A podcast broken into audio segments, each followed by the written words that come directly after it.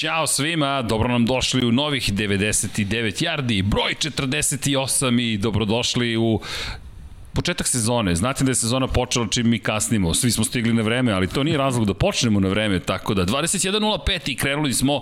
Dom Pablo nije baš zadovoljan našim početcima, ali sve ok. Preživjeli smo i stigli smo. Nadam se da ste dobro, da ste uživali. Jedno kolo iza nas, jedna utakmica drugog kola iza nas. Standardna ekipa je tu. Gospodin Jimmy, gospodin Miksa i gospodin Vanja. Nismo mi krivi što smo kasnili. E, nismo mi krivi što smo kasnili. Uh, ko je kriv? Pa nameštali smo nove mikrofone, ali nismo ih, to je držače, ali nismo uspeli da namestimo Pa, zapravo. ko, ko je onda kriv? Pa oni su krivi. Da ne Ko- kažemo ko? da smo uzeli. Da, pa nema krivaca, ova ekipa koja još stiže na vreme, tako da je sve okej. Dobro nam došli u najnovije izdanje, krenuli smo sa sezonom, ima puno uzbuđenja pred nama, naravno da smo uzbuđeni 99 yardi, ponovo ima punu sezonu, ima o čemu da pričamo, krenut ćemo naravno o standardnu Green Bay-a, šalim se, naravno imamo tu navijača Green Bay-a koji je rekao samo nemojte o Green Bay-u, pa samim tim je izazvao lavinu, samo hoćemo o Green Bay-u, ali pričat ćemo o svim utakmicama ljudi, pre nego što krenemo, nadam se da ste dobro, mazite se i pazite se i vodite računa jedni u drugima, pričamo o nekim stvarima koje su važne, podižemo svest, kako se to zvanično kaže, ljudi, nećemo da uvijemo previše stvari, želim da vam skrenem pažnju na nekoliko momenta, septembar je mesec prevencije samoubistava i to je vrlo ozbiljna tema, svi smo, to smo pričali i ponavljat ćemo tokom meseca septembra, prolazili razne situacije u životu, mi smo jedna vesela grupa ljudi, ali makar pred kamerama, šalim se, pošto su kamere sada trajno upaljene svugde, onda smo stalno veseli, ali činjeni smo mi stvarno veseli i srećni da radimo nešto što volimo, bez obzira gde ste, šta ste, kada prođete kroz neki teži period, obratite se nekim svojim dragim ljudima, ima ih, ukoliko ne, upalite Infinity Lighthouse, poslušajte 99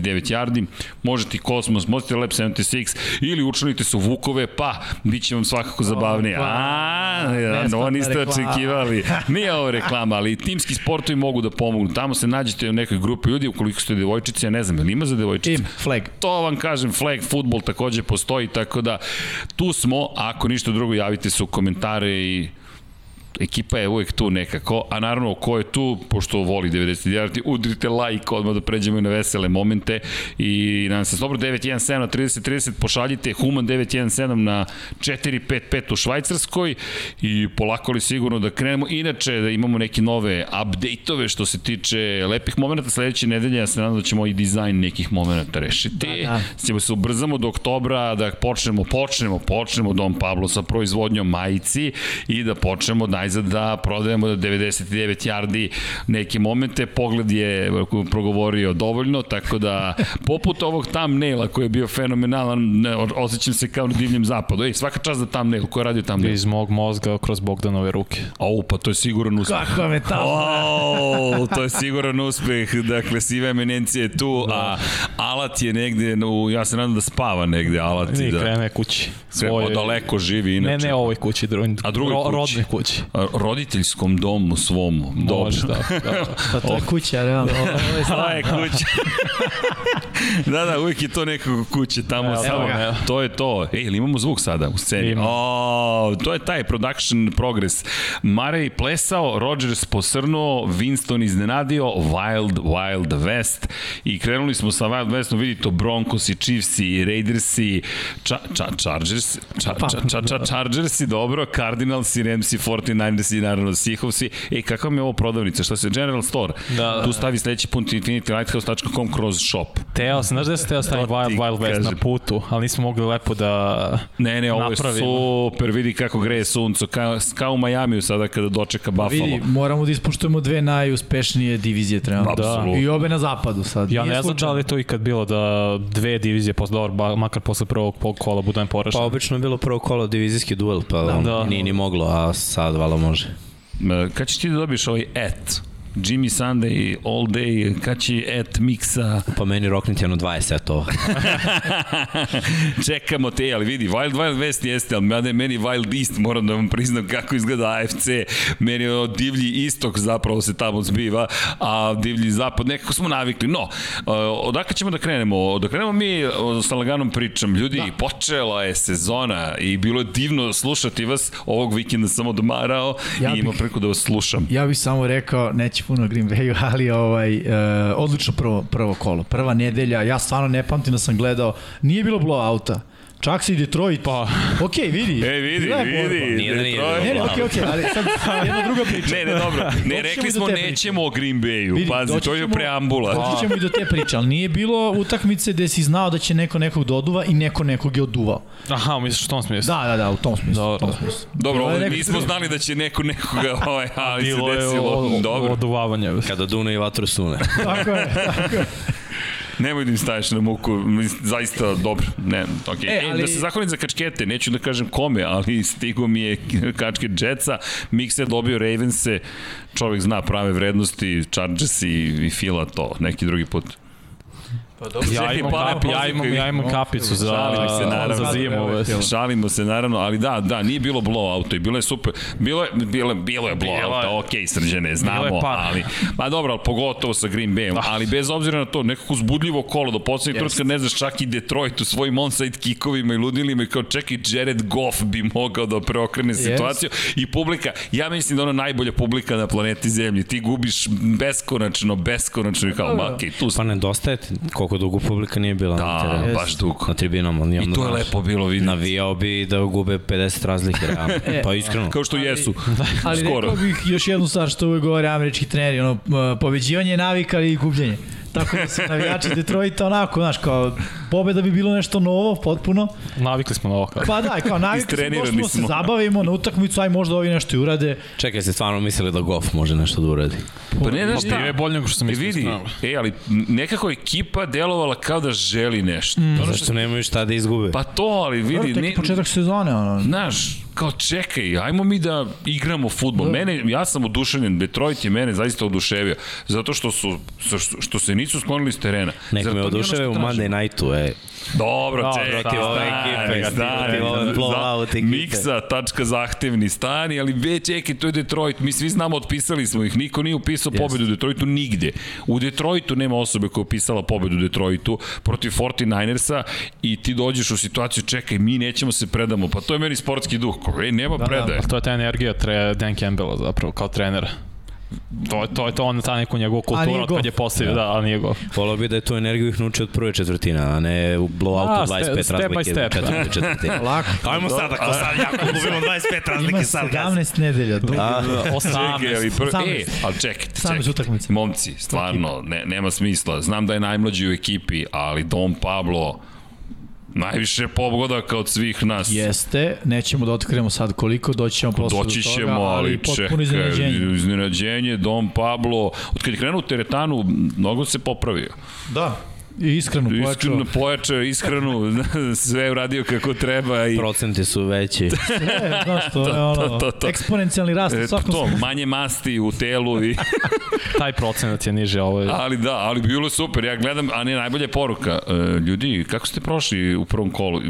Ne Kao slutim pita, šta da. nas, kao pita na slučaj. Ja sam danas pogledao. I? Po Dori nisam najgori. Dobro, niko nije tu loš. o, o, o, o. Čekaj, Pazi, dobro sam krenuo novu nedelju. ali čak ni ovog puta nisam bio prvi. A tamo sam se obradovao Cincinnati kad je pao, rekao, to, Evo ti, evo ti. ja to ti kažem, vidi ga. Hvataš ko Jamar Chase.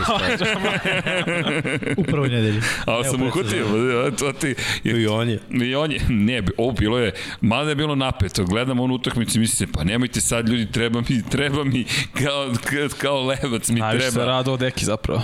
Deki, da. Znaš da smo se dogovorili koja je sledeća knjiga? Koja? O Joe Barrow. O, da, ljudi, izdali smo knjigu. E, crveno i crno. deal. Big deal. Infinity Lighthouse. Tako da možete, ko voli automoto sport crveno i crno o Mihajlu Šumacheru, Deki Potkonjak je objavio, on je autor, mi smo objavili, zajedno, mi smo si deo Infinity Lighthouse, ali prva knjiga u izdanju Infinity Lighthouse-a, Tako da smo super mega giga ponosni i nemam šta da kažem, fa- fantazija, onako čitaš Infinity Lighthouse izdavač, ISBN, uh, izdavači, cela ekipa odavde potpisani i kažeš to je to. Tako da, ako je Joe, ba Joe Barrow, Pa njegova karijera, sad, sad će 20 krenuti da pa piše, kad pa, ćete sad da će krenuti pišete, da to sam da vam kažem, kad će to da izađe, Pa, kad završiš karijeru. Ako. kad ni ti ne budeš mlad, dobro? a ja Možda ću- Brady ja pokrene biti novi mlad. trend. Da. je izjavio. A Zašto da ne igra do 50. Mislim, to je još 6 godina. Da. Čekaj, ali eto ti, eto knjiga. Eto, publika neka kaže o kome da napišemo knjigu. Bravo, ajde. Ajde. Komentari. Ajde, komentari, udrite like, udrite da. subscribe, onda napišite komentar. Moram ja tebi da udarim Izvinjam. Timing. Da? O da, Timing, opa! Coach Jimmy je krenuo i rekao mi imaš 10 minuta za uvod. Ok, ja, već smo u 11. pa Vrlo. zar to nije nova Jesi godina? tražio time out? Ok, ne, sad ću ko Brady prošle godine, kao, znaš, četvrti je. ne, bio je. Ok, pa dobro da se ozbiljimo onda. Uh, dobrodošli u 99 yardi. Šal na stranu, završili smo uvod, to je kao sad formalno, imamo i košuljicu, pokušamo da se ozbiljimo krajnje. Ali da, da mi pređemo i na analizu utakmice jednu po jednu. Don Pablo, ukoliko možete da nam najavite sledeću. Bills at Dolphins. Um, Hoćemo, Don Pablo može pr prethodno kola. Zar nije bilo Dolphins at Bills ili sam ja pogrešio? Ne, ne, Ne, ne, ne, to je Ne, drugo kolo. Ne, ne, Samo da aha, pre- da Dolphins, prođemo prvo Oni su kolo. dobili New England, čekaj. U, E, ovo je Ok, sledeće, evo. A, Browns pa Browns, opa, udarac naranđasto-crvenog. Idealno, idealno. Dobro, ja, čekaj. ja ću zapam. Ti ćeš? Da, za, baš zbog Bakera i Patrick Mahomesa, jer je to zapravo bila razlika. Šta imate da nam kažete, gospodine Pa Milićeviću? Mahomes klasičan september. Evo vidimo dva- 27 od 36, 337 yardi, 3 touchdowna, istračio još jedan touchdown. Mahomes, ovaj Mahomes Baker je bio dobar zapravo tokom čitavog meča, ali na kraju greška koja je presudila, mislim 21 od 28, 321 yard je sasvim korektno. Igro je vrlo dobro, čak u nekim delovima bolje od Mahomesa, ali na kraju što si ti rekao da Jones treba da prihvati sek da ne baci, to je Baker radio. Umesto prihvati sek, on bacio presečenu presudnu, Mahomes podigao nivo igre, Baker spustio i to je na kraju odlučilo meč. Ali ja mislim da je- nije samo to. to ceo ti Čabi ispustio loptu u Jeste. momentu kada to niko nije smeo da učini. Ispucavanje za, če, za, ispod, za pant koji se završio predajom lopte u svo, sobstvenih 20. M, e, Razumem i da Baker jeste vođa, ali mislim da je ceo tim prosto se vratio u eru e, znamo kako da izgubimo dobijenu utakmicu. Teško je igrati kao favorit. I To ono što breme, smo- što breme, ste pričali. breme favorita mm -hmm. mora da, da se stiče dugi niz godina. Znaš, ne možeš odjednom, e, prošle godine si ušao u play sad si favorit. Aha, ne ide to baš tako. Ne možeš odjednom da postaneš favorit. Prvo u svojoj diviziji nisi bio relevantan 20 godina. I sad si kao favorit u AFC-u. Daj molim te. Nema, nema teorije da se to tako desi. Naročito kad igraš u prvom kolu, otvaraš protiv tima koji je dve godine za redom u Superbowlu, tri godine za redom u finalu konferencije. Znači, to je, gubi. to je favorit. To je favorit koji opravdava iz godine u godinu. Ne gubi u septembru, ne gubi u decembru ako igraju starteri. Ekipa koja gotovo uvek stigne do samog kraja u play-offu. Ekipa koja je svoju diviziju osvojila, ispravim ako grešim. 5 godina za redom. Mislim da je više. Možda 6. Da, to je bolest, to je favorit. Pa evo ti Mahomes, koliko je u septembru? 11, 0, Da. 35 touchdowna bez presečenih. Tako je. To je, to je favorit. E sad, bilo je dobro od strane Clevelanda, dobro su otvorili, dobro su se borili, pokazali su napredak, odbrana je bila sasvim solidna, a onda su krenule naivne greške tima koji nije favorit. Kao što si rekao, ne može Panter da, da, da ispusti long snap i, i u takvoj situaciji, u takvoj situaciji mora probaš da je šutneš, pa barem otišla 10 yardi, to je bolje nego, nego da izgubiš 10 yardi, pošto obično stojiš daleko od linije skrimidža. Da, on je To je- pokušao trčanjem To je da velike nešto greške. Fumble će uvijek da se desi, mislim, fa, to je futbol. I najbolji igrači će fumblovati, quarterbackovi running backovi hvata, desi se da neko fumble i ne možeš protiv toga. Ovaj put se desilo Brownsima u nekim narednim utakmicama, desit će se nekom drugom. I, I tu možeš da kriviš ako je neko bio previše gramziv, ako ima tipa prvi down i onda je krenuo, ne znam, da pravi rollinge, da diže loptu ovako, da je nosi, to je glupost. Ali ako nosiš loptu kako treba i neko u odbrani odradi svoj posao, dešava se. Naročito čabu, čabu, redko kad fumble. Ali eto, nisu znali da završe utakmicu, nisu znali ni u play-offu da završe utakmicu. Jedva su znali da završe utakmicu protiv Pittsburgha jer su se Steelersi vratili u play-offu. Iako je Cleveland imao u ozbiljnu prednost. I malo je falilo da ih Steelersi na kraju stignu, ali tu su nekako priveli utakmicu kraju. Ovde nisu znali. Protiv Chiefsa i u AFC je veliki problem jer niko ne zna da privede utakmicu protiv Chiefsa. Čak i kad se igra dobra utakmica, ostali kao favoriti, kvazi favoriti u konferenciji ne znaju da završe Chiefs. E, ali ja bih, e, ja sam vidio neke pozitivne stvari. Ovo je drugi Cleveland. Ljudi, prošle godine prva utakmica je bio blowout, ako se ne sjeća. Cleveland se nije pojavio. Mm -hmm. Ove godine ne su se pojavili, nego su vodili. Jeste, sve si ti u pravu, u smislu, a, treba malo vremena da se sve te stvari prevaziđu. Ja njih nisam vidio kao favorite, mislim da ih niko nije vidio kao favorite u ovom meču. Mislim, ja sam tipao da će oni da pobede, ali to je više bilo zato što sam mislio da, ono, Da su rekli, rešili. Pa mora i taj Kansas City izgubi jednom u septembru. Tako da, to mi je bila bila neka, neka logika, pritom nakon one predsezone Kansas City-a videlo se da nisu baš uigrani i delovalo mi da će ovo biti ta utakmica gde se oni klizaju i posle toga se vraćaju kako treba. Međutim, Tyreek Hill, koji nije igrao u predsezoni, je Tyreek Hill Uh, Patrick Mahomes je bio dobar, bio mnogo precizniji. Uh, Kelsey, ok, u predsezoni ga nisu uopšte koristili, možda je imao hvatanje dva po, po utakmici gde je igrao, opet logično, predsezone. I onda se malo uh, vratim film nazad na, na te meče predsezonske i zaključim da Mahomes zapravo nije imao prave opcije, odnosno nije imao svoje opcije broj 1 i broj 2, kada govorimo o hvatanju. Pa predsezona, mislim uvijek Tako te prevari, predsezona. Jer on ima specifičnu konekciju sa Tarikom Hillom, sa Trevisom Kelseyem, sa jednim za kraće rute, sa drugim za duže rute. U smislu, Uh, bio i onaj mim kao da Mahomes kaže ajde baci će pa je Tarik tamo negde sigurno uhvatiće. pa, Otprilike tako, tako izgleda. Tako ali, izgleda, da. Ali znaš šta, dve stvari, mada ste to već dotakli, to je šampionski tim, to je oni nijednog momenta ne pomišljaju da će da izgube. Dakle, naći ćemo način da pobedimo i to je ono što Mahomes donosi. Ovakav, onakav, ti znaš da će nešto da se desi. I onda uvek isti komentar možemo da prepišemo. Kakvo bacanje Mahomesa, kakvo hvatanje Tyrika Hilla, touchdown i ti kažeš, ok, to je, to je taj moment kada se da. lomi, gde ekipa suprotna počinje da veruje da ne može da dobije. Istina, ali ja bih se opet vratio na Cleveland istako pozitivne stvari. Baker, okay. videli smo preciznost. Baš je bio preciznost. Ok, šta je izostalo? Touchdown dodavanja. Nije bilo ni jednog. To jeste problem. Istoča je jedno. Ok, istoča je jednom, ali kada si quarterback sa ovim oružjima uh, hvatačkim, kakve on ima, evo i Njoku ove sezone baš igra dobro, barem i ono pred sezonu i je u prvu nedelju odigrao jako dobro.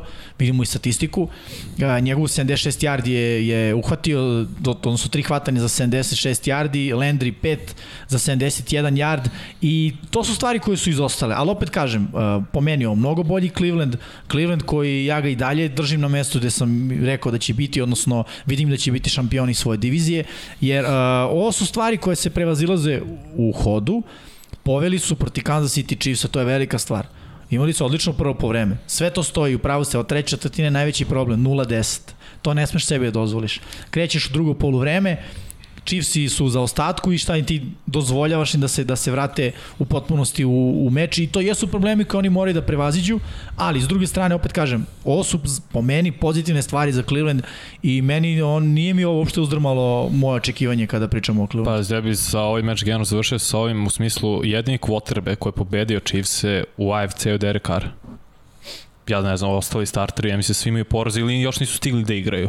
Jer kad premotaš... neku utakmicu. Ne, ne, ne, kažem ovako, jer to je, to je problem za AFC-a sada, jer ti, Rivers ga pobedio pre par godina Tom Brady, Brady u NFC-u, Rivers penzija, ti nemaš quarterbacka sem Kara. Pritom su obojica veterani. Da, koji su, po, da, koji su pobedili Mahomesa i to je baš problem, jer ovo je najveći Allen 0-2, 0-3, Lamar 0-3, Baker 0-2. Svi su oni ono, toplo hladno. Lepo je Miksa yes. rekao, AFC ima problem da završi Kansas City Chiefs-e, ekipe iz AFC-a. Mogu da počnu odlično, silovito i sve, ali očigledno ih Chiefs-i umore svojom konzistentnošću. Ovi da. ne mogu to da isprate, pojede ih pritisak i ovaj i, i to negde bude to. Izvini, znaš šta mi padne na, padne na pamet upravo? Duel između Brady-a i Manninga i Peytona Manninga u AFC-u i oni Brady bi na početci stalno je dobio, stalno dobio, dok Manning nije uspeo da nađe neko rešenje. Ne znam da li postoji neki Manning za ovog Brady-a ove ere AFC-a. Ali okej, okay, vidjet ćemo, vidjet ćemo šta donosi drugo kolo. Idemo dalje, Jimmy mi pokazuje iza kulisa, vreme je da se pakujemo.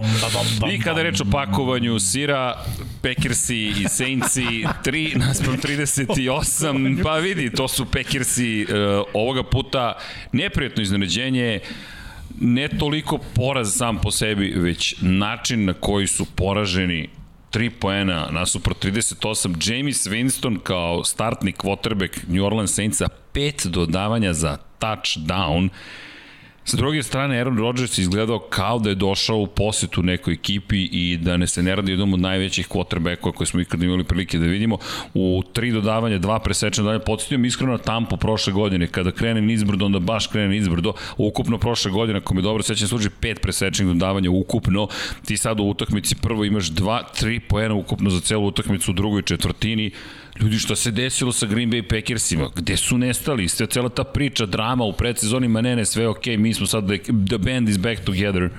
A ja ću bi? da budem večeras good cup. Sean Payton, James svi- Winston, šta? Vi svi pržite, ja ću opet da stanem u odber malo Green Bay-a. E, i Tampa je prošle godine izgubila 3.83 od New Orleans. 3.83, čekaj, čekaj, 38, stanite. 38, da, da, da. 83 je Malo mnogo, sam ali dobro, dobro. Da. 3 prema 38 uh, u prve nedelje protiv New Orleansa. I Tampa na kraju bila šampion, više niko ne priča. Dakle, Green Bay osvaja titulu. Ne, ne, ne, ne, ne, samo hoću da kažem da je moguće. Okej. Znači, šansa postoji, Međutim, realno, realnost je, Eno ti ga međutim, Evo ga, međutim.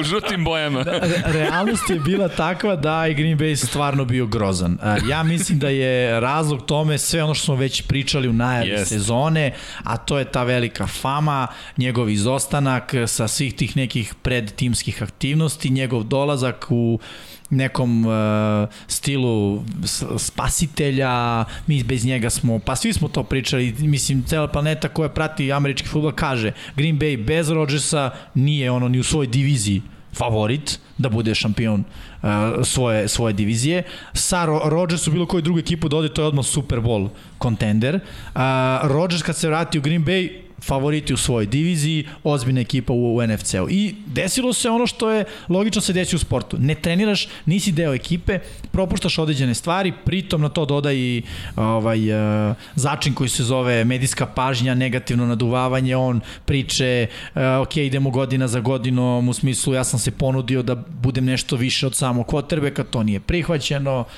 I to su stvari koje dođu na naplatu. Ono što ja vidim kao pozitivno, good cup, to je boje naplatite u prvoj nedelji, pa odigrali posle dobro, nego da su sad to gurnuli pod tepih, dobili nekih 28, 27 i kao to je taj Green Bay, sve ok i onda u petoj nedelji krene, krenu kola. Čekaj, misliš da je ovo dobro za njih u suštini, Ovo je da se suoče sami sa sobom? Ovo je Pa, odlično. znaš, nekad je najbolje da dobiješ udarac u bradu odmah, znaš. Odmah. Čisto da znaš da treba podigneš gard. To, to, to, to. I jer je malo bi bilo naivno, aha, New Orleans nije tu Drew. Ja vam pričam, Drew ne igra tri godine, mislim, tri godine ne igra na nekom nivou. Drew imao za 3000 yardi, pa Da. da. 3000 yardi, to je smešno. Menjao ga je šest utakmica Teddy Bridgewater, prošle godine ga menjao Tyson Hill, ali ta ekipa je brutalna defanzivno. A Green Bay nema ofanzivnu liniju koju ima prošle godine. Znači, nema pro bowl najbolje ocenjenog centra, nema levog tekla, koji je se ozbiljno povredio. Uz to quarterback nije su igrao sa novom ofanzivnom linijom. Znači on sad nema presno, je naviko Baktjari i Bulaga, levi i desni tackle, pa ću ja malo levo, pa ću ja malo desno, pa ću ja malo da uđem u džep, pa ću ja da bacim loptu posle 5 sekundi. Bilo nekad. Sad nema 5 sekundi, sad nema ni 3 sekunde.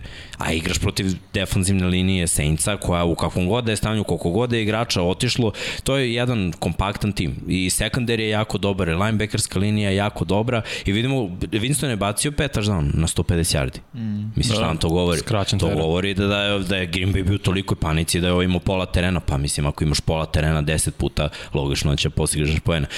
Mali Tony Jones je super running back, mislim da je dobra odluka njihova da Lateviosa uh, katuju, da se oslone na mladost, jer Latevius ne bi ni dugo igrao za njih, njima treba neko ko će da igra za male pare još par godina kad već kamera nosi toliko u kepu i što se tiče ovih ostalih hvatačkih opcija, sve to lepo deluje, znači Saints stvarno deluju kao jedan tim. Skladan. Oni deluju kao tim već 5 godina. Vanja, Sean Payton.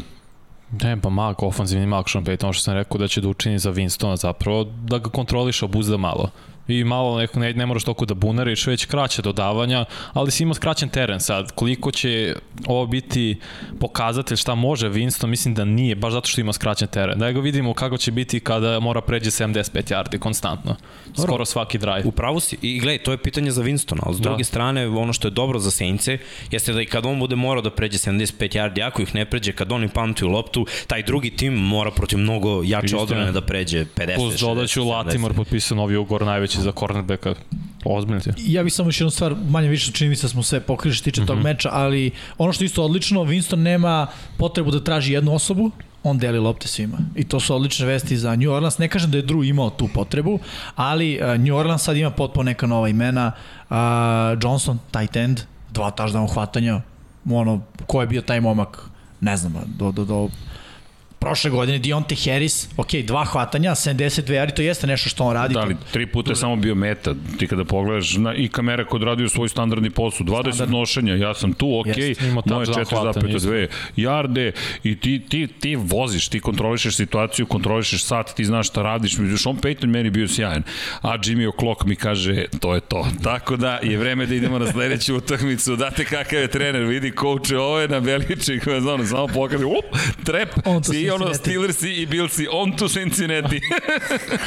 uh, ok, ko želi da diskutuje o Steelersima protiv Billsa? Gospodinu Žutom. Pa, gospodinu Žutovom je rekao da su Steelersi ozbiljni tim, ali vi niste htjeli me Ko je slušati. tipovao na je Pittsburgh? Ne, ne, ne, Ja sam rekao- nisam, ali samo iz jednog razloga. I... Zato što me je prevario Dable da verujem da će imati Billsi više od ovih dva, e, od 11 nošenja. Neću kažem 20, jer ovih 9 što je trčao Josh Allen, to je samo da, da se vidi. izmišljenih Ja sam rekao u emisiji da mi je žao što ne mogu da promenim pik. Ma ja ti, sam hoćeš da ti da sam dodamo, Pittsburgh. hoćeš da ti dodamo. Ne mogu. Ne, ne, da, pa ne možemo ne, protiv ne. pravila, ali jesam rekao Pittsburgh ovo dobija.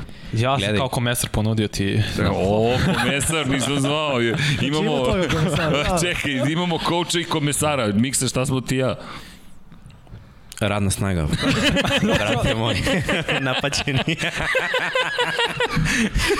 Jesi dobio ručak, užinu, nešto? Nema ni kantina. Topli obrok. Imamo energijska pića, to ti to. Gotova pauza za topli obrok. E, Izvini, prekinu smo te. Dakle, nošenja Bilsa, trčanje. Ali ajde da kažemo kako je utakmica krenula. Prvo, Bilsi su imali ovu utakmicu. Onako kako sam ja vidio da će utakmica krenuti, tako je i krenula. Bilsi su poveli, prvo touchdown je bio jako dobar, uprkos pritisku koji Steelers imaju. Steelers su tri godine za redom tim koji ima najbolji pritisak. I prethodne godine najviše osvojenih lopti seko, oni su u samom vrhu. Znači top 3 su u, u svakoj skoro kategoriji defanzivne. Što znači da neće biti lako ni jednom timu koji igra protiv njih u napadu, koliko god taj napad dobar bio. Josh Allen je postigao touchdown, posle su dali trojku, a mogli su i tu da daju touchdown, nebitno, bilo je 10-0. Kad vodiš 10-0, ofenzivni koordinator u ovakvim derbijima ima neku obavezu da troši vreme, da, da da loptu mm -hmm. running backu, da, da bude više trčanja, međutim ne. Mi smo onda videli prvi down pas, drugi down pas, treći down pas. 51 pokušaj dodavanja. Ba, ne znam, pa Besmisleno Rob da je na poziciji Izgu, potrebe. Ali izgubljen je svaki smisao, ti nemaš Ali- nikakav balans u igri. Nemaš, ali gledaj s druge strane, kako ti braniš. Znači, Bilsi su otvorili utakmicu defanzivno, maestralno. To je pet pantova za redom za Steelers. To je nikakav, nula ofenzivna ritam, nula. I onda su se nekako malo uključili pri kraju prvog poluvremena i u drugom poluvremenu, znači, Bilsi kao da nisu izašli na teren. Znači, bukvalno mi je tako delo, na, gledam akcije, gledam odabir, razmišljam o tome Dobro, što i ne odbrana pričati. Steelersa nije tako bila loša. Bila Ne, ne, odbrana- ja, ja hvalim Znaš. odbranu Steelersa, razumeš, sad samo je bilo načina da se pobede i isti ti Steelersi, ajde da kažemo malo slabiji, su puštali veliki broj trčanja prethodne sezone protiv timova koji su znali da trče. Ali ne može si 11 nošenja, znači koga god da imaš u backfieldu, ne može 11 Izvini, nošenja. to je ono što smo videli sa kamerom. Ako pogledaš, Saintsi, Saintsi su izbalansirali svoju priču. Pa i sa Barklijem, evo ti Barklijem u prvoj utakmici Sinoć, 11 nošenja za 26 yardi. Jako je teško, pazi, koliko je momak još bio uspešan, 6,5 yardi u proseku. To sad te da kažem, bio je veoma Ti zapravo mu uzmeš nošenja. Da moj bek ima 6,5 yardi po nošenju, trčao bi 25 puta, Tako je. Pa Jer pazi. to pali, bre. Bolje da mi oni strči Pogledaj. jednom za 4 yarda Izvini, nego da pogledaj bacam Steelers-e. Ali to nije novost za Steelers. Znaš, Steelers su prošle godine bili 50 pet yardi po utakmici. Da, najgori su bili. Pet nošenja Da, po, ali- na utakmici, sad 16. To, to, Ali tri čak više. i Harris je dobio više lopti u ruke nego Singletary, iako ima 2,8 uh, yardi po prosečno. Zato što Steelersi moraju Ko- forsiraju, da. znaš, oni, oni su sad u situaciji, nova ofanzivna linija, Ben nije mobilan kao što je bio pre. Bilo je par situacija kad je on skremblovao, smešno izgledalo. Znaš, Izgledalo je čudno, baš znaš, izgledalo baš se ono vuče da, da pokuša da baci nešto i moje sreće što, što nije bilo interception prilikom jednog dodavanja koje je baš bilo ono srednja škola faza. Ali, nekako su se oni snašli, implementiraju polako, bolje izgledaju nego prošle godine. Napad ima mnogo falinki. Mogu kažem da napad zapravo limitiran Steelers. Pa jeste, ali opet dolazimo do onoga kakav je tim sad. Tim je na, spoj da. napada i odbrana. Ako odbrana igra ovako, Tako. njihov napad limitiran može da ima uspeh. Mislim. Istina. Znaš zašto sam ja birao Bills i uh, prošle nelje? Josh Allen prošle godine je 6-0 protiv top 5 odbrana bio. Jeste. I to, mislim, to je stvarno fascinantno, ti to pro- protiv najboljih odbrana si zapravo najbolji, stalno si ih pobeđivao i ta, ta logika sam ja ovde sledio, bilo je blizu, Ali opet kad vidiš to što ti rekao, Dable konstantno forsira jedno i to je Dobro, ali big Josh problem. Allen u celoj situaciji nije baš neka, neke odluke su bile onako problematične, razumim. Znaš što je Ra- treba uvijek Josh je- Allen da radi? Kao što je Dak radio. On je Dak je menjao akcije koje su bile za trčanje i rekao da idem pas. On je, o, da Josh Allen to mogu da radi obrnuto, ako je da je video. Da ima tu slobodu. Da, ja ne znam da on ima Pitanje je tu da li ima. To je jedino Ja pitanje. mislim da ne da, da Ja mislim nema. da nema, a i sa druge strane mislim da je uradio ono što uradi većina ljudi kada potpiše monstruozni, monstruozni ugovor, a to je malo onako početi Hero ball. da uživa u životu. Pa A- i to, i, i šta si rekao? Hero ball. A da, ali ima taj moment da, koliko sam važan, ali to je već radio Ali bilo je ispuštenih lopti, znaš, Da. evo ti Bizli koji isto ono, Jeste. neću primim vakcinu, neću treniram, neću ovo, bla bla bla, ispusti dve lopte, mislim koje mu idu pravo u ruke. Stefan Diggs pakovan u, u tri situacije, jedan na jedan, mislim, mislim, najbolji hvatač u ligi, ne može budeš pakovan. Dobro, ne kažem ja da je on najbolji, nego on kaže da je on najbolji, je razumeš? Ne, E, okej, ako ne si najbolji, vidim, onda ali opet, najbolji. generalno kada pogledaš, tim nije izgledao kao tim koji će pobediti. Čak i kada je išlo ka pobedi na kraju utakmice, to je delovalo kao ekipa koja se sprema da pretrpi poraz. Meni je to tako izgledalo i zašto sam tipovao na Steelers-e, zato što i dalje mislim da to što si šampionski tim ti donosi ono što si ti Jimmy rekao, to je stvar navike. Ti si na, I oni su prošle godine, kakvi god da su bili čudni, beležili pobede. Mislim, vidi, Steelersi. tako je, Steelers smo navikli e, da u drugom polovremenu pojačaju gas. I to ne samo prošle sezone, recimo, i evo sad u ovom meču. Setimo se i protiv Jacksonvilla, onog finala A, FC, polufinala FC. polufinala AFC-a, tako je. Oni su se probudili u drugom poluvremenu i tad su se Borili vratili u se, meč. jeste, Tako bilo je šanse. Jer, zašto? Moja neka teorija je veteran na poziciji quarterbacka. Znaš, ti kad si veteran na poziciji quarterbacka, ti prvo poluvreme imaš input, imaš informacije, dobijaš šta radi odbrana, šta rade i određeni igrači, da učiš da čitaš i da, da stvaraš naviku kako šta je najbolje protiv toga, daješ savete svom ofenzivnom koordinatoru, zajedno napravite, on te sluša jer si veteran, napravite neki dobar game plan prilagođavanja zapravo za drugo poluvreme i tu se otvaraju onda stvari. Jer, znaš, on mnogo brže napreduje. A, Mladi quarterbackovi sa izuzetkom Patrika Mahomesa, očigledno, a, nemaju tu sposobnost, nego rade ono što im trener kaže. Znači, nema tu sposobnost, ej, o, ovo rade, ajmo da radimo mi i ovo, će to da pobedi. Ma da treba, treba i energija, znaš, da se poklopi. Jer opet Treba. do, dolazimo do nekih, evo, 50-50.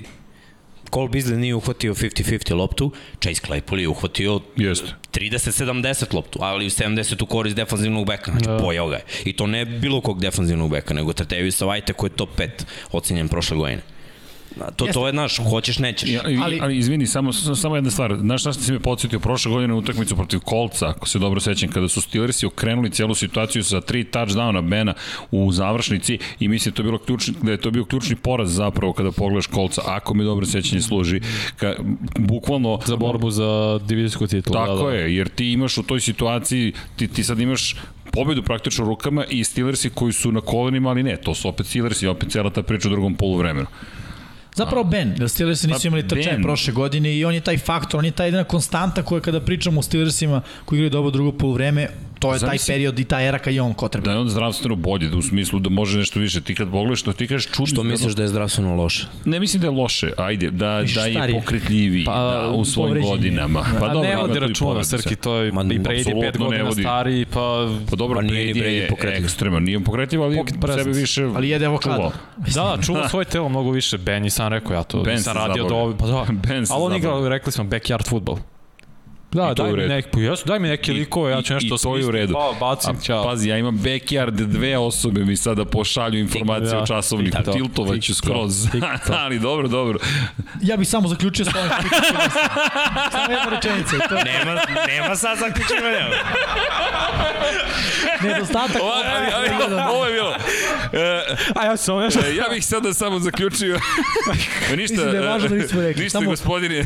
Nedostatak opcije broj 1 kao, Kao hvatačke opcije. To je veliki problem Steelersa. U to ime idemo dalje. Cardinals i Titans okej. Što kad smo kod. Kad smo kod, kod Wild Wild West, ljudi, ovo je stvarno bio divlji zapad. Dođe Kyler Murray i ne, ne znam šta onaj dečko bacao. Pleše. Ne, ali čekaj, precizno preciznost, ja, ja sam bio frapiran, one lopte samo padaju iz neba, pap, pap, pap, pap, pap, gde treba. i Hopkins, kako kombinacija? U prvom meču Hopkins imao dva nerana do, do, do, do to je shvatanje za Kirk je touchdown. Pa Kirk je kao ono hvatanje. Kirkovo, pa ono je kapetan da. Kirk, kao gledaš zvezdane staze, ono doleće ti direktno u ručice, ti trčiš i, i pitaš se kako je ovo doletelo. Ja sam, najbolji igrač ove utakmice nije napisano ovde. Da, da, on je s druge strane. Ja sam hoću kada, ja, ja sam za Mareja rekao da je on meni kombinacija, kad izlazi na draftu, kombinacija Lamara i Bakera. Bakera za preciznost, Lamara za rad nogu i agilnosti. I Ma to... ja sam odustao od Mareja, budi realno, ja sam Ja ne, ja sam odustao, odustao posle jednostavno bio sam spreman da kažem gotovo, Arizona ne, ne, ne, ne mora traži nekog novog, ali Marej se pojavio Marej. onako kako smo ga sanjali, ja bih rekao. Ali tako je prošle godine bilo na, startu, početku, tako? da. Šest- Jest. 6-1, Jest. 6-1, Jest. tako je Arizona otvorila. Jest, jest. I svi smo bili, jao da, to je to, mislim ja sam pre sezone rekao jer je neka i trend novi, da mladi quarterback koji u drugoj, trećoj sezoni budu MVP. Znaš, sve mu se otvore, dolazi DeAndre Hopkins, ali znaš šta njima ne odgovara, što diviziji dva puta igraju sa Ramsima i onda DeAndre Hopkins ima 3 yarda. Mm. Znaš, kada ga Ramsey stavi u džep. I to će se desiti ove godine, jer on jednostavno ne A može da igra protiv Ramsey. dosta dobro. Tako je, druga stvar, pritisak. Mislim, Tennessee tri godine nema nikakav pritisak i nemojmo da pričamo neke gluposti da sad tu ima ovaj igrač, ima onaj igrač, oni u defanzivnoj Pa liniji pričali, nemaju dva... da će Arizona ovo da uradi baš. Gledaj, očekivao sam da će Arizona ovo da uradi, ne ovo, da uradi malo manje u napadu, ali ipak da bude efikasna, ali sam očekivao da će Tennessee da uradi To, malo više u napadu. Nigde napada. E, gledaj, ali kad odbrana Arizone ima toliko sekova, samo Chandler Jones ima pet, i kada toliko spakuju taj Tennessee i onda igraju pola terena futbal, naravno će bude ovaj rezultat, ali to je nešto što mi ne možemo da vidimo. Ja prvo nisam video da je Luan o, ovoliko loš u duelu protiv superiornijeg atlete koji je Chandler Jones u odnosu na njega. Znači, bukvalno je bio ponižen. Pet sekova na utakmici. To, to se ne dešava. To, to je redko kada. Znači, jednom u Nisu par godina imamo. njega, ali da. Istina, istina. Pa i da. Redik je prošle godine baš isto imao pet Jest. za Arizonu. Jest. Ali to je ono što je falilo Arizoni prošle godine, taj pritisak. Je, usmi, Jones je bio povređen i igrao. Ma i Watt Watt, igrao pa odlično, Da, na Watt sa druge druge strane. strane, od dva linebackera, Simons i ovaj ruki sad što je, oni će biti ubice. Da. I još iza imaju, kako se zove... Murphy Ma, do, da, i Murphy- Buda Baker. Buda Mislim, Baker. Murphy odigrao brutalnu utakmicu, on imao četiri Da, da, da. skinuta pasa koja su ono bila bukvalno hvatanje. U, svakom, u svakoj liniji u odbrani imaju barem jednu zvezdu. I još jednu potencijalnu minimalno i to je baš sad za odbranu u poređenju sa prošle godine Arizona veoma značajno. Mislim da će odbrana biti jedan od razloga zašto će biti bolje. Ovi, Tennessee. Grozno. Da, ali uh, ajde ovako, šta je plan Tennessee? To je ono što sam se ja pitao. Derrick Henry, videli smo malo pre na, na grafici Dom Pablo, ako možemo opet samo da vidimo ovu grafiku, 17 nošenja. To je ono što Miksa priča. Henry slično kao eh, Elliot i ostali trkači eh, tog renomea traže nošenja. On mora da ima po meni barem 25 nošenja da bi udario jedan home run. 58 yardi. Ako se ne varam, recimo na kraju prvog polovremena imao 9 ili 11 nošenja za smešan broj yardi. Da li je imao i 20 ili nešto ispod toga. A okej, okay, i onda kada sam eh, pogledao utakmicu, vidio sam šta se dešava. Tenis je rešio da od ono 60-40 ili da kažemo 65-35 u, u, napada koji se odnosi u korist trčanja, postane 70-30 ekipa u korist pasa. Da li je to zbog rezultata što su tako Ne, brzo pali? to je zbog Julio Jonesa, to je zbog Tenehill je naš mm. -hmm. čovek, to je zbog AJ Brown imao veliku sezonu, to je zbog otiše Johnu Smith, ali mi imamo sistem koji će napraviti dobrog taj tenda, ni nebitno kako se on zove. I sad je to onako, mislim da su, ja sam pričao, treba sledeći nivo za njih i slažem se, treba sledeći nivo za Tennessee Titans što, što se tiče playbooka, a pametno je smanjiti Henryu broj nošenja, ali mislim da nije baš pametno da Henry ima 15 nošenja, 17, koliko već Što se obojica treneri, da li bi vi onako postupili kao Vrabel nakon? Da ocrniš Hulija, da je to jedan od glavnih razloga zašto si ti zapravo izgubio. Vidi, to je radio Bruce Arians prošle godine, znaš, ne, to su, to je A ti, a ti nemaš kre, kre, drugačije- kredit da to radiš. Ali drugačije je Vrabel, znaš, jer Vrabel, ako je to rekao javno, on je to rekao i Huliju. Znaš, i Huliju mora da se stavi do znanja da je... Da Vrabel je došao iz sistema gde nijedan igrač nije veći od trenera. Jasno. Jer, znaš, i sad Julio je jako veliko ime, ali mora da nauči da u Tennessee-u nije veći ime od Vrabela i onoga što je on učinio za sve ove godine. Jer nemo se lažemo da nije Vrabela, Tennessee Da, da, da. bi bio tu gde je sad, ne znam, Houston ili da je Jacksonville. Da. Bu, bukvalno je on čovek implementirao neki sistem, sklonio druge bekove, dao Henryu 30 nošenja po utakmici, napravio run first filozofiju i, i neku odbranu koja je bila respektabilna do ove godine kad su bukvalno sve, ceo secondary izvezli. I to je problem i to će biti problem proti svih jer oni u sekundariju gotovo da nemaju talenta. Da, ali, ali, ali vidi, šta je on konkretno, koja je kritika bila upućena u Julio Jonesu, to je isto važno. On je, nije njemu uputio kritiku na, to, na konto da li je hvatao dobro ili loše, nego je rekao na 3 i 1 ti praviš prekrašaj koji nas pomenja na 3 za 16 yardi.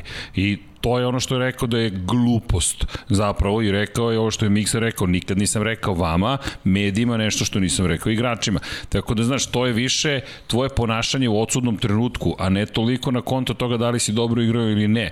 E, tako da gledam to drugačije, tu kritiku i iz perspektive toga što on je rekao, ljudi, ovo je moglo da se desi nekom drugom, nije to na konto igre, to je prosto na konto situacije u kojoj se mi nalazimo u tom trenutku i ti praviš takvu kardinalnu grešku.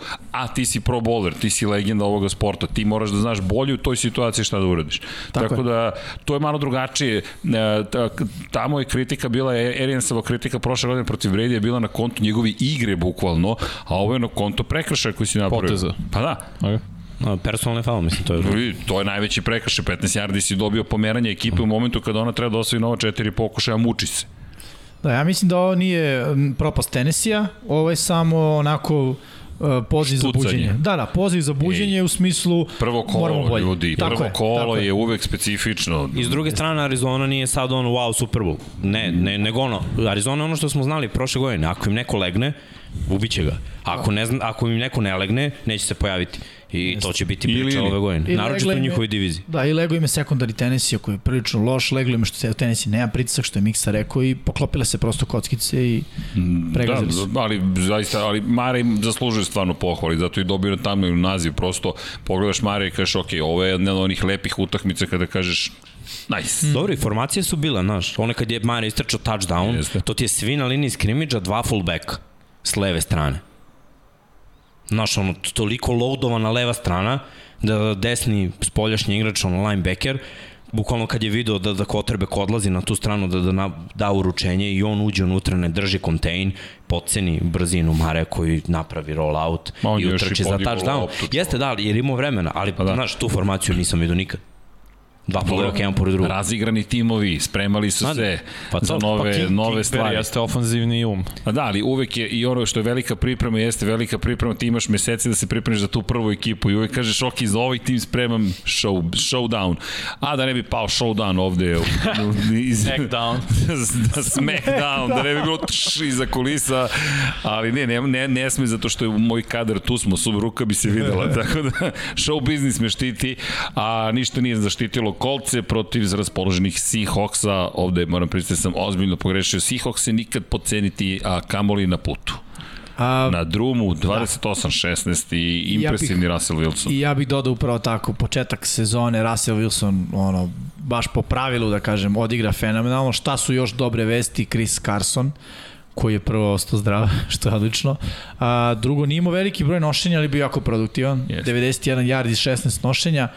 E, nije dao touchdown, ali je Wilson bacio četiri i to kakva četiri. Dva za Tylora Loketa. Loket je monstrum. Znači meni on i McLaurin prošle prošle nedelje ta dva hvatanja, to je ono, ne znam, mislim možda čak i dva najbolja a, najbolja hvatanja. A, Loket onaj prvi touchdown, gleda loptu preko levog ramena i bukvalno u posljednjem koraku a, glava na desnu stranu, preko desnog ramena hvata loptu. Meni je ono, mislim, užasno je teško za izvesti. Metcalf bio tih u početku, međutim posle se probudio, došao i on do, do touchdowna. Generalno Seahawksi su baš delovali kao raspoložena ekipa, a Coltsi sa druge strane Uh, šta znam, trčanje je delovalo ok, uh, međutim, stvari su sad, mislim sada, i prošle godine su imali reversa, a sad imaju venca i eto, 38 pokušaja kroz vazduh Pa i dosta. ovo je statistika koja laže, većina ovih yardi na kraju došla u utakmici. Jeste, stvari da, ali Ali opet yards. hoću da istaknem da previše pokušaja kroz vazu. Pogledaj Russella Wilsona, 23.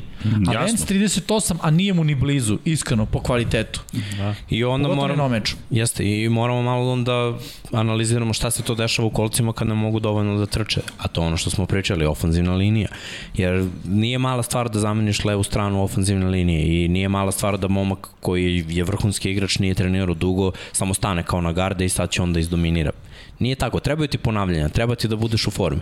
I veliki je problem da uspostaviš onda igru play actiona, što je u stvari igra Kolca, što je u stvari igra Venca, što je u stvari igra Rajha, jer se oni dobro znaju i taj playbook dok je bio u Fili jeste se zasnimao na dosta, dosta na play actionu. Oni nemaju neke hvatače da bi stajali u spredu, doublesu, pet hvatačkih opcija sad će Vence da uzme i da prangija, pa mislim, on nema te hvatače. To su mladi momci koji tek treba da rastu, a možeš da im pomogneš tako što malo prikriješ da li trče rutu, da li blokiraju, ko, ko je koncept, ovako je bukvalno bilo na izvolte. Mislim, Seattle je iskusna ekipa, playoff ekipa, kolci nisu. Kolci su ušli u playoff prošle godine, jer je Rivers povezao sve to, odbrana bila brutalna. Da. I trčanje funkcionisalo jer je linija stvarno bila zverska prošle godine. Pa ni koji su bili dva najbolja hvatača zapravo, ovde se ne vidi, ali najviše yardi su imali Heinz i Taylor. Kao hvatači su, kao trkači imali su najviše yardi, šta to govori? Quick pasovi Vence.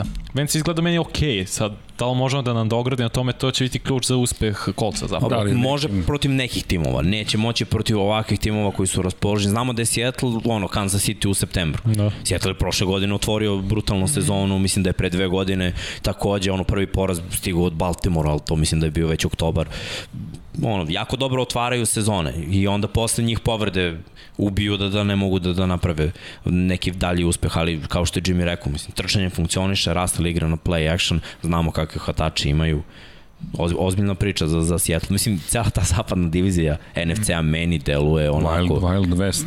ozbiljno. Baš je Wild Wild West, a vidit ćemo još zapadnjak, ali ovo što si rekao apropo hvatanja i preko desne ramena u Giantsi su o malo nisu odneli sinoć pobedu da me jedno hvatanje bilo Svoje, malo. da. ba- Ali to nije bila ta tehnika, znaš. Da, ali Bilo je mnogo lakše u situaciji za Slaytona. Da, da. Mislim, če ono, straight forward, niko oko njega zna da je Morao je da pobedio uhvati, 20 ono. yardi Da, čoveka. morao je, da. Mora se bukvalno je mora da uhvati. To smo i rekli, mora je, ali s drugi, mislim, ne pravdam daleko od toga, ali e, ovo je bilo u poslednjih 20 godina najveća separacija na ruti, kao prosečna od samog starta.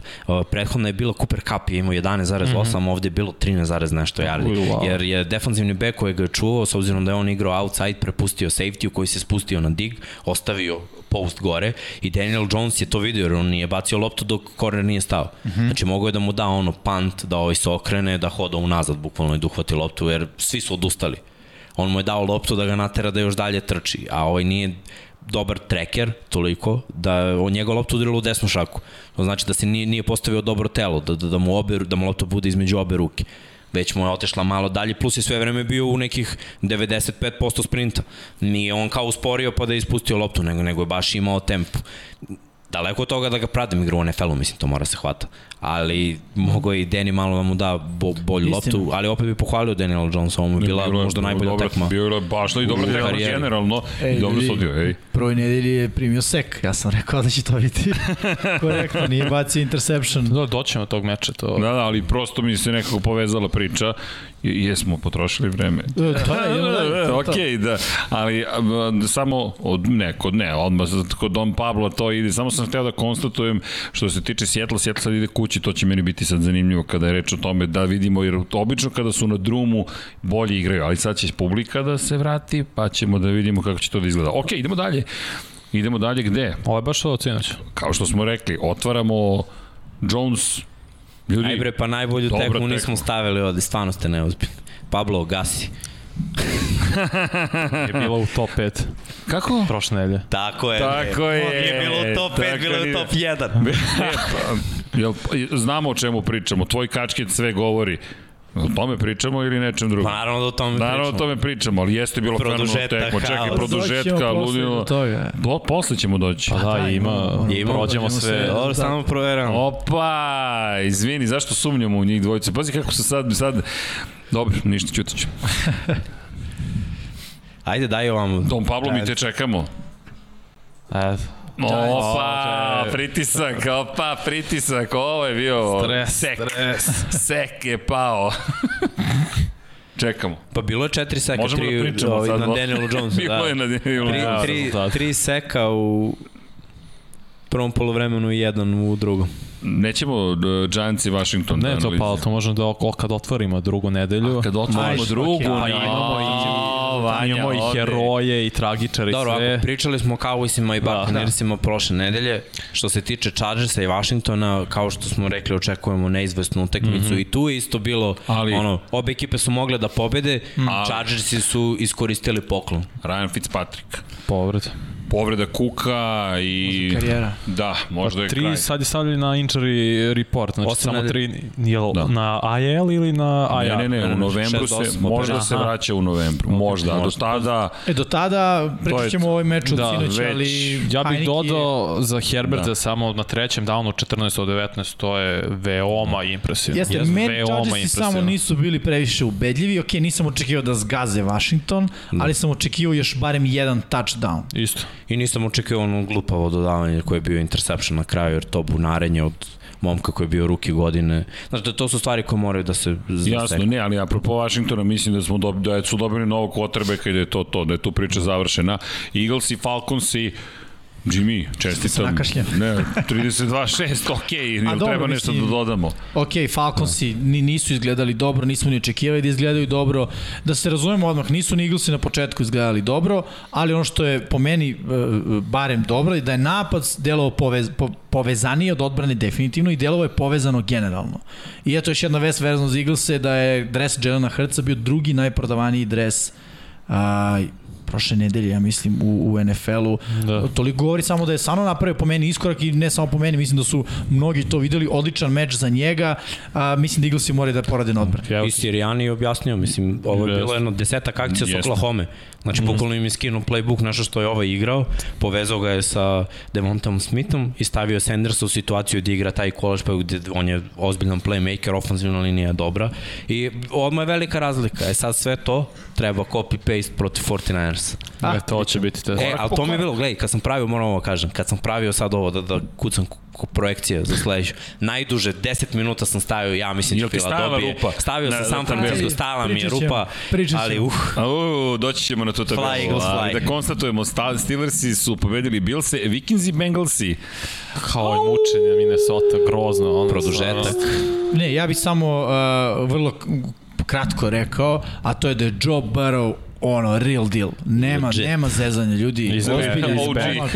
Mi smo rekli, Bengalsi su druga ekipa bez njega. Ja mogu kažem da je NFL druga liga bez njega. Stvarno, ljudi, on mene oduševljava kako igra i on je, on je, on je trenutno Cincinnati Bengals kraj priče. Znači, svi ostali nisu bitni, mogu i bez Miksona koji ima odličan meč, mogu i bez bilo koga drugog, bez Barova ne mogu. 49ers i Lionsi, ljudi, respekt za Lionse, iskreno. Dakle, ti imaš onside kick, ti konvertuješ to, postigneš, imaš još jedan onside kick, čak je postala šansa i tu loptu da uzmeš mala i da dođeš do 41-41 u utakmici gde je sve bilo završeno, ali ta žilavost gde su rekli, ej, okej, da, znam, mi smo najgori, da, niko od nas ništa ne očekuje, da, okej, kao u nekom filmu, znaš, gde je slačionica onako, ne znam, propala, zapravo oni su rekli ne, nismo, makar da. na trenutak. A s druge strane, mislim, znaš, Monster se povredio za sezonu, mm, to je jeste. velika stvar, njima je backfield sada tanak, jako tanak, Jeste. sad su uzeli trećeg beka E, ne Baltimora na, očekujem, na ja sad ne znam šta da se desi, Jimmy samo G respekt. da te vodi ono E, ali bio je je super Jeste do G. momenta kad je trebao onda kad su ovi krenuli da se vraćaju, gde si tad, brate, tad mi trebaš. Da, tad mi trebaš na plus 30, pa na plus 30 ja mogu uđem i, i da igram, brate. Ej, To slažeš se ušao na plus 30, on je stvorio plus 30, Jeste. realno. Znaš, I, je dobro. Da, ali, dobro. Ja, Mada fali završnica, slažem se. To vidi, tek treba da vidimo od njega. Meni, da do, ok, doći ćemo na drugo kolo, ali samo respekt za Lions, ako ništa drugo. Da. Može, mikro respekt. Pa, respekt. Evo ga, ovaj sa zaštitom životinja. Evo, Ko je, bre? Tako je, izgubio se na kraju. Ok, Cardinals i Titans i to smo apsolvirali kao i Seahawks i Coltse. Zatim idemo na Jetse i Pantherse. Blizu. Ej, da. simpatično, ali mislim da nije bilo pitanja ko će na kraju Da. pobediti. Vidi, na, naj, najveće pitanje je bilo da li će Wilson da preživi meč. Pošto mu ofenzivna linija uopšte nije pomogla. Backton, Povređen. 8 nedelja. Da, da, da. to je da. isto problem i Jetsi su k, druga ekipa u odnosu na prošlu godinu, ali treba će to vreme. Dobro, imaju malo talenta u napadu. Mm -hmm. Evo vidiš znači više. ono pik prve runde, Corey Davis. Odmah razlika. I mislim i Dalton. Jest, i Elijah bre, Moore Darnold da je imao Corey Davis igra bi bolje. I Treba Wilsonu još jedan Corey Davis s druge strane da bi mu život bio Dobro, lakši. ali okej utakmici. Sam Darnold odneo pobedu za Karolinu, važna pobeda za njega i, i istrčao za touchdown. Generalno to izgledalo lepo. Bacio Robiju. Da. Jeste, jeste. Povratak. CMC-a. Jeste CMC. Sve to izgledalo I pristojno. završite utakmice CMC, opet futbol. Neću van terena da potrošimo mi ovo vreme, završimo. To mi se dopalo. Vrlo su-. Pa ne, baš su, baš su, do, delovali su kao dobra ekipa i augmented reality koji je sve oduševio. Panter koji se šeta okolo po terenu. I delovalo impresivno, moram priznati, ali Panthers zabeležiše pobedu, a sad idu na Saints, bit će to simpatično. Mhm. Ovo drugo kolo tek će da bude zabave. Idemo mi dalje. Jaguars i Texansi. Sam vam rekao. Ko nisu. Da, i, Kako Samo muče. mikse, ja. ne, ja sam tipovao na Texans. Ja, ne, ja sam jedan tip on Texans. Jackson. Da, ba, Da, ono je bilo grozno gledati ruki quarterbacka ba, da baca 54 puta. To stvarno ne, ne, ne može, koliko god da si ti dobar. Primećete razliku u denominaciji rookie quarterback? Uh, kako se zove? Čini mi se, taj Lawrence. Rookie quarterback. Ne, ne, prošli smo u Atlantu pa nismo pomenuli šta je ono Pici izbriljirao Da. protiv File. Koja, čekam. Moj otpad na kraju. Kaže, mnogo je, Young blood. mno, mnogo je stvarno da Lawrence baca 54 puta ne, na prvom svom NFL meču. To je previše. Urban Maja mora stvarno promeni game plan pod hitno, jer ne možeš da očekuješ sa, nemaš talenta dovoljno okolo. Zbog, Mla, zato, to je, I ne samo on, nego i mlad tim. Znaš. Da. Da. Pa da da. Texans imaju možda Lako. slab roster ako gledaš overall, ali to su ljudi koji dugo igraju mm -hmm. u NFL-u. Mislim, Jest. imaš nekoliko osvača Heismanovih trofeja, nekoliko bivših pro bolera, ljudi koji su igrali u play-offu, znaš, i onda su došli dečaci. Yes, Da. baš, je, baš, je, baš je to, kao kada si junior igraš sa seniorima i znaš da ćeš dobiti batine, ali se trudiš. Bukvalno, to Da. tako izgleda. Jeste. Pa trudiš se, dobiješ batine, ali ponosno izađeš E, sa teren, i- kažeš, bar sam dao sve od sebe. Ono što bih ja isto istoko nije o propast za Houston sezona. Namučit će oni mnoge, neće oni, mislim, ne očekujem da uđu u playoff, ali će namučiti mnogi. Da, žilavi Mnogi su. će, da, da, da. Baš su žilavi. Baš da, ono- Deluje kao to. E, okej, okay, isto, da, zube. to, to, to, zato su, ne, ne znam, ono što, Mikse je to lepo rekao pre dve nedelje. Vidiš da tu ne, ili si ti rekao da nešto ima, nema veze, da, 99 yardi. Došao Mark Ingram da reši. Da, ali Browns, Chiefs i to smo analizirali, Packers i Saints i takođe, Broncos, Giants, 1-0 za sve Broncos. pohvale, Teddy B. Teddy. Sve, ali, Teddy sve B. Teddy B je Von Miller je najbolje rekao. Novi Teddy B kao u Saintsima dobio situaciju, evo, pap, imaš hvatače, imaš running backa koji je bio pro bowler ubica, imaš ofanzivnu liniju, imaš brutalnu odbranu. Neću uopšte da čujem da, da, da ono, Denver nema ono top Brutal. 10 odbranu, a možda ćemo vidjeti da je top 5. Znači, stvarno su popunjeni svuda na svakoj poziciji. To ti daje priliku da igraš i, i Giantsi su juče igrali bolje protiv Washingtona ne, nego protiv Yes. Denvera, što govori o odbrani Denvera. Jer oni imaju veterane. Washington ima dobre individualce, mlade. Ovde je spoj mladi plus veterani. Stvarno na sve strane. Washington je energija, ovde vidiš iskustvo, da, vidiš znanje. Ma ima i vidiš ovde znanje. bes, ovde je viši bes. No, dobro, ono. ima i toga, ali vidi, ali, Denver, ovo liči na Denver, Denver, u smislu, ej, mi ćemo da zatvorimo odbranu, imaćemo dovoljno dobrog kvotrbeka da odradi posao. Dobro kikera, treba. znaš, I to je to. trojku mogu bocnu uvek. Patrick Surtain, cornerback ruki, brutalan. Jedini minus što se Judy povredio, to je jedino... Ali dobro, nije za sezonu. Nije, nije, sreće, sreće, ali to je jedin taj minus. Da, ali Znači, Denver u svakom slučaju odnosi pobedu. Dolphins i Patriote. Opa, Tesno, opa. pretesno. Mac Jones debitovao, okej. Ja bih rekao dobar. Pa bilo je dobro na obe da. strane. Ja bih da pohvalim obojicu. Jeste. I, I ne samo, o, teo bih da pohvalim i quarterbackove, ali i running backove na obe strane i odbrane na obe strane. Sve vreme je bilo neizvesno i sad eto na kraju jedna greška, kažem, normalno je kad neko nosi loptu 25 puta da će fumble, mislim Harris nije fumblovao mnogo puta prošle godine. Dešava se, mislim takve stvari se dešavaju, ovaj put je presudilo tako da Miami ima na kraju pobedu, ali, Ali- napad ali poslednji čekaj. za New England je bio pobedonosni napad. da, trebao je da bude. Ali vidi, Miami znamo da će uvek da, da, da, da ne ošteti New England tokom sezone ili u Miami ili New Englandu. To je to ono što smo pričali. Kad ta će pasti pobjeda Miami, evo već pala je u prvom kolu. A ovakav scenarij sam i video iskreno, da, da će se desiti na, na, na meču. Bila je ono, možda neefikasna, ali zanimljiva. Pravi Tvrdo, fudbal. dobro utakmica, baš prvo kolo, lepo kolo, ne znaš šta će da se desi do kraja. Najveći utisak mi je stav Mac Jonesa tokom meča i posle meča. Delo mi stvarno već sad kao tokom mladi, kao ruki da je lider. Da, da. Da ga prate prosto i veterani i taj stav njegovih posle što nije teo da uzme loptu kao posle prvog touchdowna. Kao ne, ne, ne, kao kao job zna dan, nismo mi završili, nismo pobedili. E, to je bilo lepo, izvini, Chargers, jesi video to sa, sa loptom? Što Šta? su sakrili loptu za, za, za trenera. I e, pošto uvijek trener predaje loptu nekome i do, došao je Herbert i Krišom donio još jednu loptu kao ovo od ekipe za, za trenera. Vajs lep moment. Da, prosto... pobeda Staley kao glavnog pa, trenera. Da, vidi, to, to su bitni momenti u pitanju morala. i Meka Jonesa, samo bih rekao, on je već Patriot way. Da, da, skroz. Potpuno. Baš se uklopio. Baš, se, baš je slagalica, ono što tražiš, ono, delić i kao nađeš, e, taman, ti imaš to, ha, gore, levo, da, ok, ta plap i to se uklopi. Tako izgledalo. Ali Patriot, ok, beleže prvi poraz, nije mala stvar. Bersi Remsi, kakva žurka. Zovite društvo za zaštitu životinja. Evo, bijaju medvede. ne, ovo je bilo, ovo je bilo surovo. Su... Čeka, ali Stafford je uzao pušku, du, ona je duga cev, ljudi on se ja zabavljao. Sam, mislim, ja sam pričao o tome, ne kažem sam kao jedini, ali ljudi Stafford u Ramsima je mnogo opasna kombinacija. Ne, ne, ovo je, ljudi, ali ovo je bilo, čekaj, ko, ali meni je fascinantno, on je zaštićen i on gleda gde ću da ja bacim u daljinu. Ti uopšte ne, oni ne krije gde će da baci, nego samo kome tamo negde u daljinu. Znate ko je najsrećniji? Zoom. Ko? McVay. McVay je bukvalno najsrećniji čovjek. Ne, ovaj, kao, to, to, konačno. Znaš kad može... skupiš sličicu, izvini, u Medenu, yes. i kao imam All Star, tup, evo ga. Stafford može da izvede sve što McVay zamisli. I Bukvalno. to što McVayu treba, jer ono, ajde opet da samo pogledamo stvari realno McVay, da je mlad trener u NFL, ljudi, premlad. Mislim, nema ni 40 godina, on je, on je trener, glavni trener e, NFL ekipe, već je bio u Super Bowlu. Realno da imao tada Stafforda, možda bi osvojio, ali ajde sad da ne zalazimo u to šta je bilo kad bi bilo. A, Ramsey deluje kao ekipa koja je falio Matt Stafford i dobili su ga tako da uh, moj bold prediction da su oni Super Bowl kontenderi, to je i da će izgleda dobra. Da, da, izgleda fantastično. Ma dajde, Bersi su prva nedelja, polako da vidimo pravi neki test. I jedno reč, ono, jedna rečenica kratka od Bersima.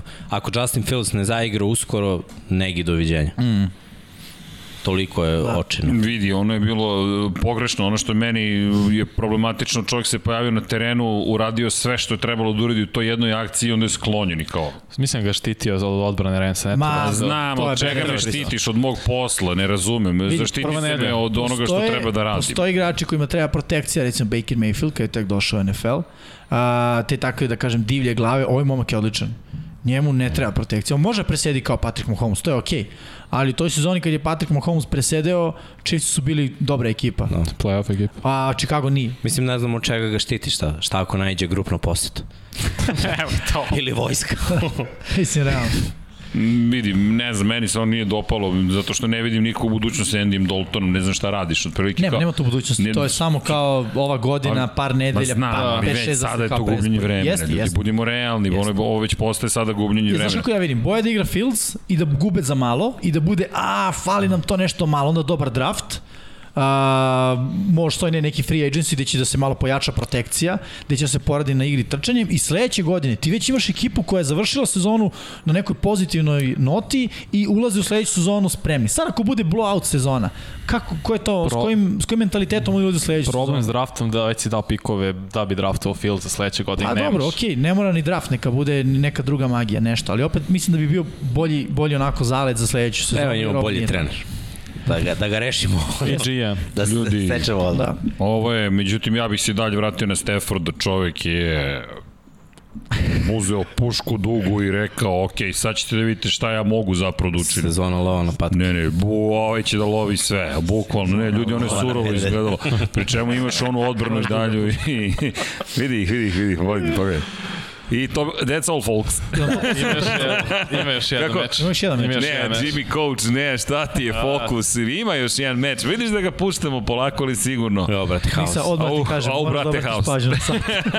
Ravens, brate, ja Raiders, 27-33 u produžecima. Ali kakva? 22-08 i utakmica. to bi bilo to. Kakva utakmica? Ja sam oduševljen. Znaš zašto? Zato što uh, prvo sam znao jednu stvar šta Raidersi imaju, to je Derek Carr i Waller, znači to je bilo ono, ajde da probamo da zaustavimo ovo bez Markusa Petersa koji bi uzao nekog drugog pa da staviš Hemfrija. Jako je teško kad izgubiš startera na, na korneru da čuvaš Wallera. Mislim, redko koji tim i može da čuva Wallera.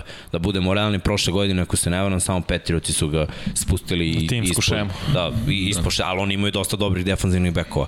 Waller 19 targeta preko 100 yardi dao i touchdown, mislim, čove. Znam jer je bio 3 godine u Baltimoru, znam kakav je bio potencijal, imao je problema van terena, ali kakve je igračina. Derek Carr, ne sviđa mi se kod uh, Raidersa to što je bacio 50 plus puta, jer protiv Ravensa to može, Ravensi nemaju rush. I nisu imali mnogo sekova, uglavnom kad je pritisak oni blicaju, a kad blicaš ostaviš zero coverage i to je bila situacija jednom za Ragza, tamo za ono skoro touchdown, pa je bio i touchdown na kraju, ista priča, ali bukvalno su Raidersi mogli da budu najveći tragičari ikada. Znači da dođeš do produžetka, da izvučeš taj poslednji napad, da dođeš do jednog čudan jarda, da ti Čekaj. skoči desni gard, napravi 5 yardi kazne, da lopta pogodi defanzivnog beku kacigu interception i ono daš Baltimoru koji može da umara i ima takera koji može da šutne sa 60 yardi i onda ono Lamar s dva fambla. To je nešto što ne sme da se desi. Eto. I imao je problem u prvoj sezoni s tim famblovima, onda se malo povezao u drugoj. Ofanzivna linija Baltimora je bila katastrofa, to treba reći. Bilo je tu povreda, bilo Nueva fail, ozbiljan fail, ali dobro promenio je stranu. Se guard povredio za sezonu. Da, nije za sezonu, Nije za- za, za 6 do 8 nedelja na IR-u. I poslednja takcija kad je bio fumble, čovek sam, kod duh Sammy Watkins na hiču, on drži loptu, trči, pravi grešku i naravno ne možeš sad ni ti da pustiš Dereka Kara ono, ajde, ajde evo ti još jedna šansa pa možda ne uspeš. Marlon Humphrey odustaje, a Kar sa zadnje noge ono, još iz glob. Kao Zay Jones. Da, Da. kako, kako da. Da, Mislim, gledaj, zaslužena, apsolutno zaslužena pobjeda zato što u četvrtoj četvrtini produžetku Raidersi su bili bolji tim. Mislim da nisu bili bolji tim tri četvrtine, ali nije to bitno, bitno ko je bolji na kraju. I to je priča Baltimore, oni konstantno imaju problem u četvrtoj četvrtini.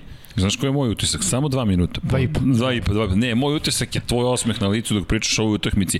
Tvoj tim je izgubio u poslednjoj utakmici kola. Monday Night Football, ludilo, overtime, imate šansu da pobedite. Izgubili ste, ti imaš najveći osmeh na licu koji sam vidio posle dugo vremena i to ti je ta ljubav prema američkom futbolu. Pa gledaj, Svaka čast. kad je Baltimore osvojio Super Bowl, krenuli su 0-2. Sad je sledeća utakmica Sunday A Night to je osmeh. protiv, protiv Chiefsa. A, zato si ti... Pam, 0-2. Gledaj, i onda kreće obrt. Treća nedelja, Detroit, pa A dođi. vi, vi tu, vi dok Anlaser proradi, vi slabo, sporo paljenje, ali kad krene... Zeljate prošle godine. Sad ću ti kažem zašto ćemo da osvojimo titulu. Da, titulu teško, ali... ali dobro.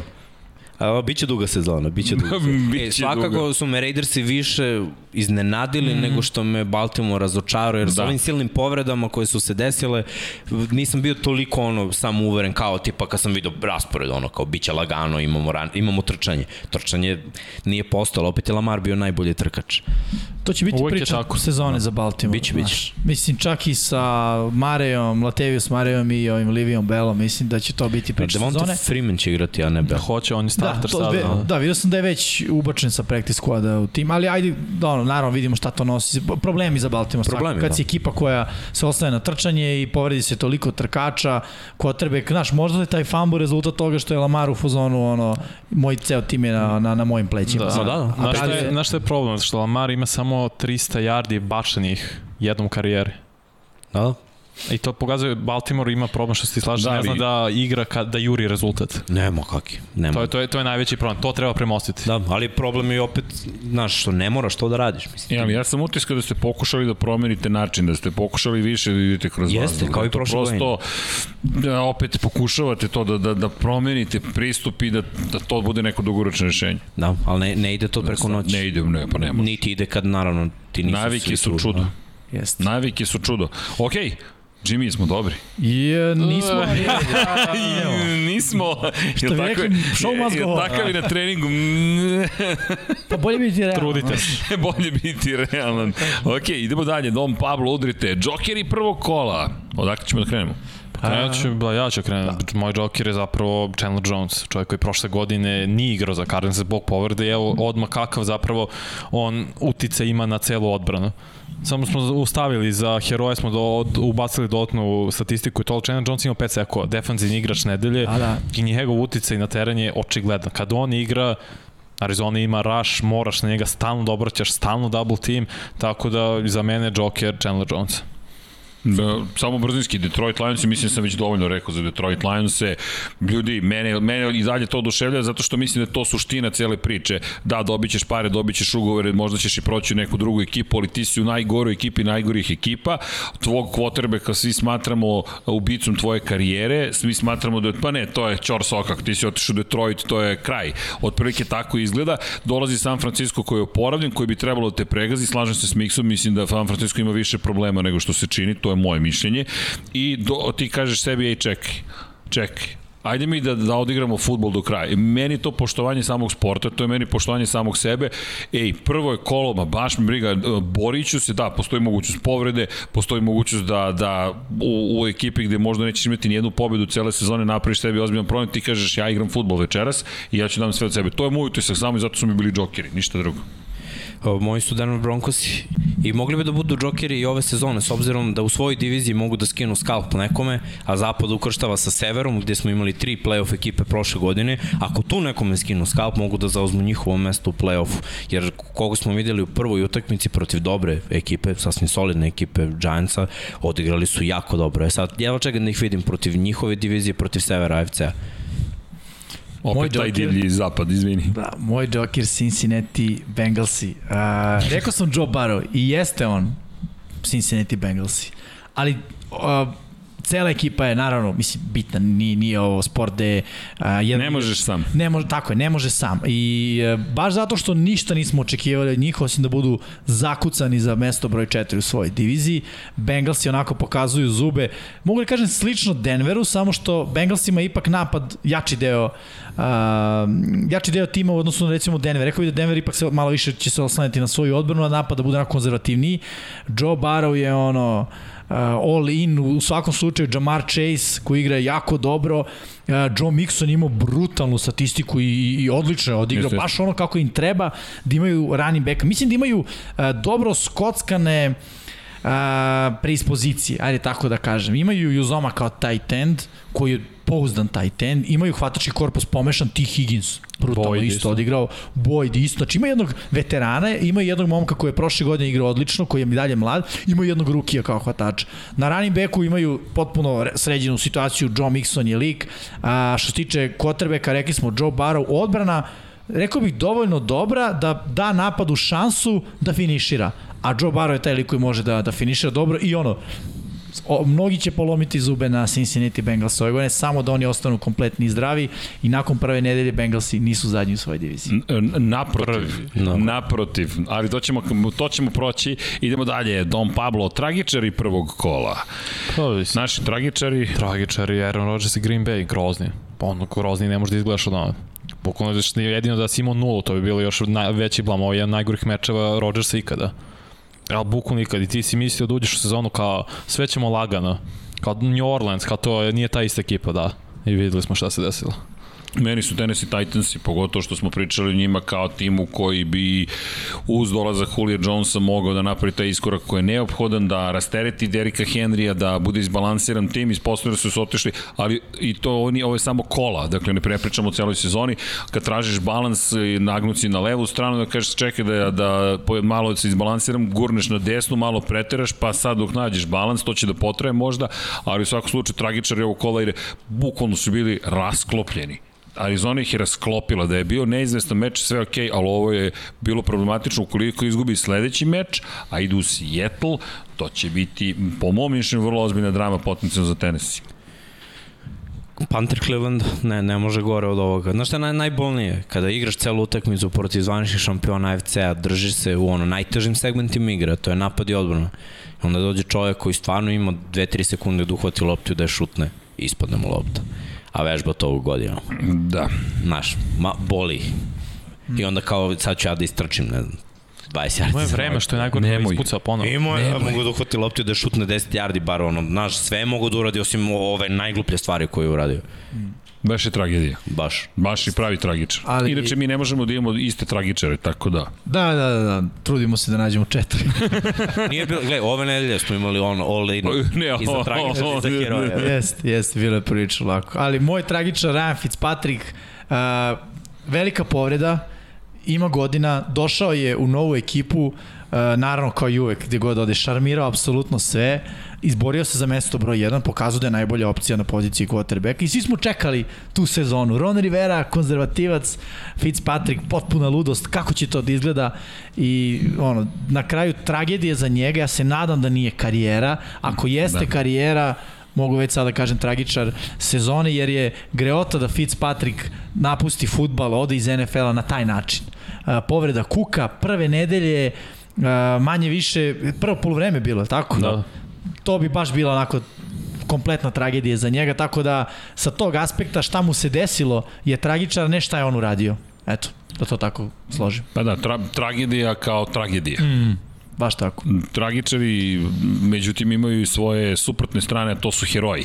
A naši heroji su za Vanju Matthew Stafford, Vanja. Pa Stafford je odigrao bogovski. Ja sam prvo, prvi koji je sumnjao to da, ne da će on igrati, da će igrati loše, ali da igraš ovako dobro 2 20 od 26, 321 yard, 3 touchdowna, 156,1 quarterback rating, to je njegov najviše u karijeri. O, šta je definicija LA-a? To je show time. I to je baš e, je zapravo Stafford sa Ramsima, show time. To je ono što njima fala. Ovo što kažeš duboko vertikalno dodavanje. To, to nisi imali sa sta, Goffom, sa Staffordom ima ko može svaki pas da izvede. I Stafford je stvarno bio brutalni i bit će stvarno show time u, u Ramsima i u LA-u. Kyler Murray, mislim da smo to već negde i obradili, pet dodavanja za touchdown, quarterback rating ok preko 120, ali generalno kako je igrao bio raspoložen za ovo kolo više nego dovoljno. Došao si protiv favorizovanog Tenesija i zajedno sa svojim timom zapravo, nisam hteo da bude ponovo tim, ali Kyler Murray mi je delovao kao čovek koji je uradio ono što se od njega očekivalo, što je već sada za mene herojski moment, s obzirom na činjenicu da je loše završio prethodnu sezonu, tako na Kyler Murray. Pa Tyrod Taylor, od ono tragičara dve godine, mogu da kažem, pa možda i više, možda i tri godine do momka koji je ove nedelje pokazao konačno da može ako mu daš šansu. Ajde da se vratimo unazad, da bude čovek rezerva u Baltimoru iza Flaka, da mu nikad ne daju šansu da uđe, pa onda da ode u Billse, ono najgori tim u tom trenutku, odvede one Bills u playoff. Oni Billsi, evo ja bih volao da, da. mi nabrojite jednog igrača osim Šedijama koja je u napadu te ekipe koja je igrala u playoff. Znači, ja ne znam šta, šta su radili osim Shady koja i Tyro Taylor, mislim, sećam se onako kroz maglu, ali on je doveo jednu jako lošu ekipu do play-offa, ekipu koja je imala manje talenta nego ova ekipa Houston Texansa trenutno onda je otešao u Cleveland da tamo bude starter, svi znamo priču, namestili su ga onako lepo da dobije batine, došao Baker Mayfield, uzu mu posao, pa ne znam da li su mu namestili, ali u Chargersima je ovo delo onako malo za Moldera i Skali i tu je izgubio i tu je izgubio priliku i evo sad je došao Texas i naš nema ovog iz, osim ako Deshaun Watson sad se ne vrati i ono, onda ću stvarno da pišem peticiju da, da ga ono, vrati negde da čovjek može da igra. Da, i došli smo do mog uh, heroja prvog kola, to je James Winston. Ne toliko brojki, mali broj pokušaja, 20 za quarterbacka u NFL-u stvarno nije nešto sjajno. Procenat kompletana i dodavanja, to je ono 66%, pet touchdown dodavanja, to je iznenađenje, nema interseptiona. To je još veće iznenađenje. On je već sada onek sezone kad je bio 30 for 30, odnosno 30-30, uh, nekako je to pratilo jedno drugo. Završi utakmicu sa 4-5 touchdown dodavanja, uh, ili možda, možda sam pretrao, možda nije imao 5, ali da recimo kažemo 3-4 touchdown dodavanja, 2-3 interseptiona. Onako, pratio je tu. Pozitivne stvari su, to jest negativne stvari su vrlo brzo uh, poklapale ove pozitivne, no u ovoj utakmici ta sigurnost, taj, taj neki nivo zrelosti koji on uh, dostigao je mene stvarno onako u potpunosti fascinirao i opet kažem, ne toliko brojke, jeste odbrana je davala sjajnu startnu poziciju, nije mora da prelazi ve, veliki broj terena, to je veliki e, deo terena, Uh, I nekako onako činjenica da New Orleans konačno ima quarterbacka i ta njegova priča, ono od čega je prošlo što bi amerikanci rekli from zero to hero. I ajde samo što je heroj kola, možemo onda pređemo i u sledeći segment, da ne pričam samo ja, da svako od vas može da doda, što se kaže, svojih pet para. O, on je nama... Jimmy, budi, Jimmy. Pa on je nama i priča nedelje. Pa jest. On je nama i priča nedelje, I zapravo, ajde, ne samo ova utakmica, već sve to. Ono, pre dve godine si u, u, u Tampi, par godina pre toga si prvi pik na draftu. Uh, ono što je Vanja rekao kad smo pričali pre početak meča, vodiš svoj koleđ do samog kraja, Heisman osvajač. Tako je, Heisman osvajač. Doziš u NFL, prilično mlad, prvi pik si na draftu, mnogo se očekuje od tebe, ide onako jedan... Dobar ruki sezona. Da, dobar ruki sezona. To je najbolja sezona bila. Jeste, obećavalo, ali posle toga onako ide to ni, niko ne može da utvrdi šta će se desiti sa Winstonom. U jednom trenutku priča ono, Winston, to je to, nakon te sezone 30-30, bukvalno je bilo, to je to, Jamisa Winstona bit će večita rezerva, lik sa ono slušalicom u uvetu i priča sa startnim kotrebekom, jer to je njegov maksimum. I onda dolazi u New Orleans Saints prošle godine i svi se pitamo da su Saintsi toliko ludi da brisa kada dođe vreme zamene sa njim i ovaj momak onako, barem sudeći po predsezoni, po onome što je bilo prošle godine, smirao je taj svoj neukroćeni duh, ja bih rekao, i mislim da je on trenutno najbolji quarterback Saints u poslednjih 3-4 godine. Izvini, samo bih dodao još jednu stvar. Čovek koji ga je zamenio je do, osvojio titulu sa njegovom ekipom već u narednoj sezoni. To je psihološki takođe bitan moment. Ti si taj koji je smenjen. Ne kažem da došao je Tom Brady, ok, ali ti si opet, znaš, otišao i jednom se ta ekipa pretvorila u šampi, šampionski tim, osvojila Super Bowl. Ali došao neko ko ima kapacitet da bude trener, znaš. A James kad je ušao u NFL nikad svoj kapacitet nije ispunio do kraja zato što nikad nije imao nekog da ga vodi. Imaš dva tipa quarterbacka. Jedan tip quarterbacka je neko ko malo mu fale atletske sposobnosti, ali i te kako dobro vidi i razmišlja i, i mo, šta god da mu daš, on to može da vrlo brzo shvati. James Winston nikad nije bio taj, a niti, niti je neki atlet, da, da se ne lažemo, on nije mnogo pokretljiv, s obzirom da je afroamerikanac. Što se tiče njegovog sazrevanja, menjali su mu trenere, na kraju je dobio trenera koji mu onako dao odrešene ruke što mi kaže jeste, on je bacao 3-4 touchdowna, ali koliko je yardi bacao, njemu preko 5000 yardi te godine. Da, da. Zato što je bunario i ovaj ga je posticao, ajmo, ajmo, gure, gore, baci, baci, znaš, to je ono, svaki rit je fade ili post. I prethodne godine je konačno došao, zašto su ga Saintsi uopšte potpisali? Zašto igraju u istoj diviziji? Zato što su videli potencijal. I mogli su vrlo brzo da shvate posle dva meseca da li on može da uči ili ne, jer ono što smo mi videli jeste da on ne donosi dobre odluke. To je priča njegove karijere u Tampi. Ne donosi dobre odluke. Onda je došao u i onda je seo sa trenerom koji mu je rekao, ok, ajde da vidimo da li možda naučiš da igraš po mom. Znaš, ono, ja sviram, a ti igraš kako ja sviram. I to se desilo prošle godine. On je trenirao, znao i playbook, imao ju sigurno akcije za njega. Bio je on sigurno negde u planu i prošle godine, ali je Tyson Hill verovatno bio spremni jer je on već par godina tu pa je bolje znao. Onda imao ceo praktis, uh, sve trening kampove, imao je dovoljno vremena da naučimo predsezonu i sada je startovo. Mislim, on poznaje sve te igrače, poznaje sistem i ne radi ništa više od njega što je traženo od njega. A Saintsi nikad ti neće tražiti da ono četiri vertikale gađaš. Izvini, samo i dodao još jednu stvar. Imaš Shona Paytona koji zna s quarterbackovima da radi. Tako je. I to je ono što je mnogo, ja mislim da je to ključ za Jamisa Winstona. A ne samo što to zna, zna, ima on svoj sistem. Da. Razumeš, je, ali... a njegov sistem te ne stavlja u riskantne situacije.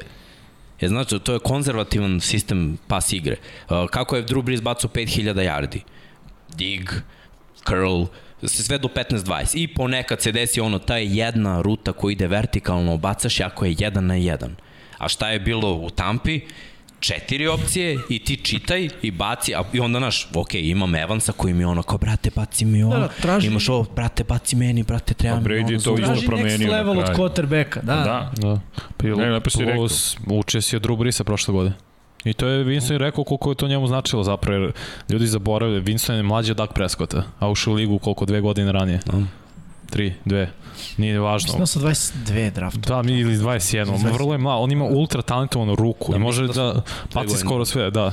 I vidi samo bi dodao, dobar tajming za njega. Yes. Da je pre dve, tri godine došao u New Orleans, ne je bio dobar tajming. Ovo je bio Nezdravo je bio. perfektan tajming i to je ono još veći plus za Shona Paytona da ga izabere u sezoni kad verovatno je Peyton znao da će to biti to što se tiče druga brisa, da mu da šansu da uči iza njega, da mu da šansu što kaže Miksa da nauči playbook Saintsa, da ga oseti na treningu i sve i prosto da u ovu sezonu uđe najspremniji što je mogao da uđe u, u tom trenutku. I ono, svaka čast za Jamisa Winstona, mislim da, da je ono, bilo je tu još opcija za priču nedelje, ali ona se onako nekako svima vrteo kao to nam je bio neka prelomna to je Izvini, pa i dobio je koga je dobio, nemoj to zaboraviti. I to i potpuna promena, znaš. On nije postao nama priča nedelje sa 500 yardi, on, za Tako 150 je. yardi peta, šta. To je totalno atipično za njega. Da. Znači, on je igrač koji igra drugim stilom, znači promenio je svoj stil zarad timskog uspeha. Bravo, dečko. Jeste. Jeste, baš bravo, dečko.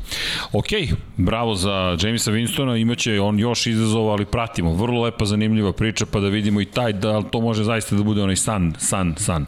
Idemo na drugo kolo, vreme je da najavimo ono što nas čeka, neke stvari su se već desile, jedna utakmica iza nas, kao što smo rekli, Washington futbolski tim protiv New York Giantsa, diviziono rivalstvo, klasično diviziono rivalstvo i, ok, Taylor Hennig, Heineke, 30 poena za njegovu ekipu, 29 za Giants, ali kakva dramatična završnica. Ljudi, šta se sve izdešavalo u ovoj utakmici? Samo da kažem da je Taylor Heineke rekao istorijsko I do. Da, da. Pitali da. su ga da li si spreman da budeš da, prvi broj to, to je, on je rekao da. Bukvalno, to su mi dve stvari. Kada se završio meč i očekujem sada političku izjavu, politički korektnu izjavu, trener će odlučiti, jer pitanje je bilo direktno, da li misliš po ove posle utakmice da si ti taj čovjek koji treba da bude glavni quarterback Washington futbolskog tima i Heineke koji nije trepno rekao da, mislim da sam zaslužio to da budem i imam podršku slačionice. Dakle, poruka je bila nedvosmislena, koliko god tužno bilo za Rajana Fitzpatricka koji je u bolnici, sorry. Ok, ako je to bilo tužno, šta da kažemo za prekrše koji su Giantsi napravili? Dexter Lawrence. Neverovatno. Ali nije samo taj prekrš. Da. Nije samo tako e, je. Koliko nam je bilo tako dobro. Je. Znači, bukvalno kreće utakmice, nas dvojica smo samo bude dobro tekme, ono, ne mogu gledam lošu utakmicu do 6 ujutru, ono, neka bude dobra. I bukvalno je i bila, pa holding na touchdownu trčanje. Tako je. Pa ispušten pas, znači Giantsi su imali tri pobede Da, bukvalno, baš su se potrudili da izgube. Pazi ovo. Odlično. Trudili su se da izgube. Trudili da izgube, a Daniel Jones nije puno sudelovao u tome. Tako da to su neke novosti. Da, to je novitet, jeste. Jest. I, iako su sada uh, 0-2, Ja i dalje verujem u tu ekipu Giantsa. Isto. Ovaj, iz prostog razloga što nije mi bilo realno da baš odmah sve klikne od prve nedelje.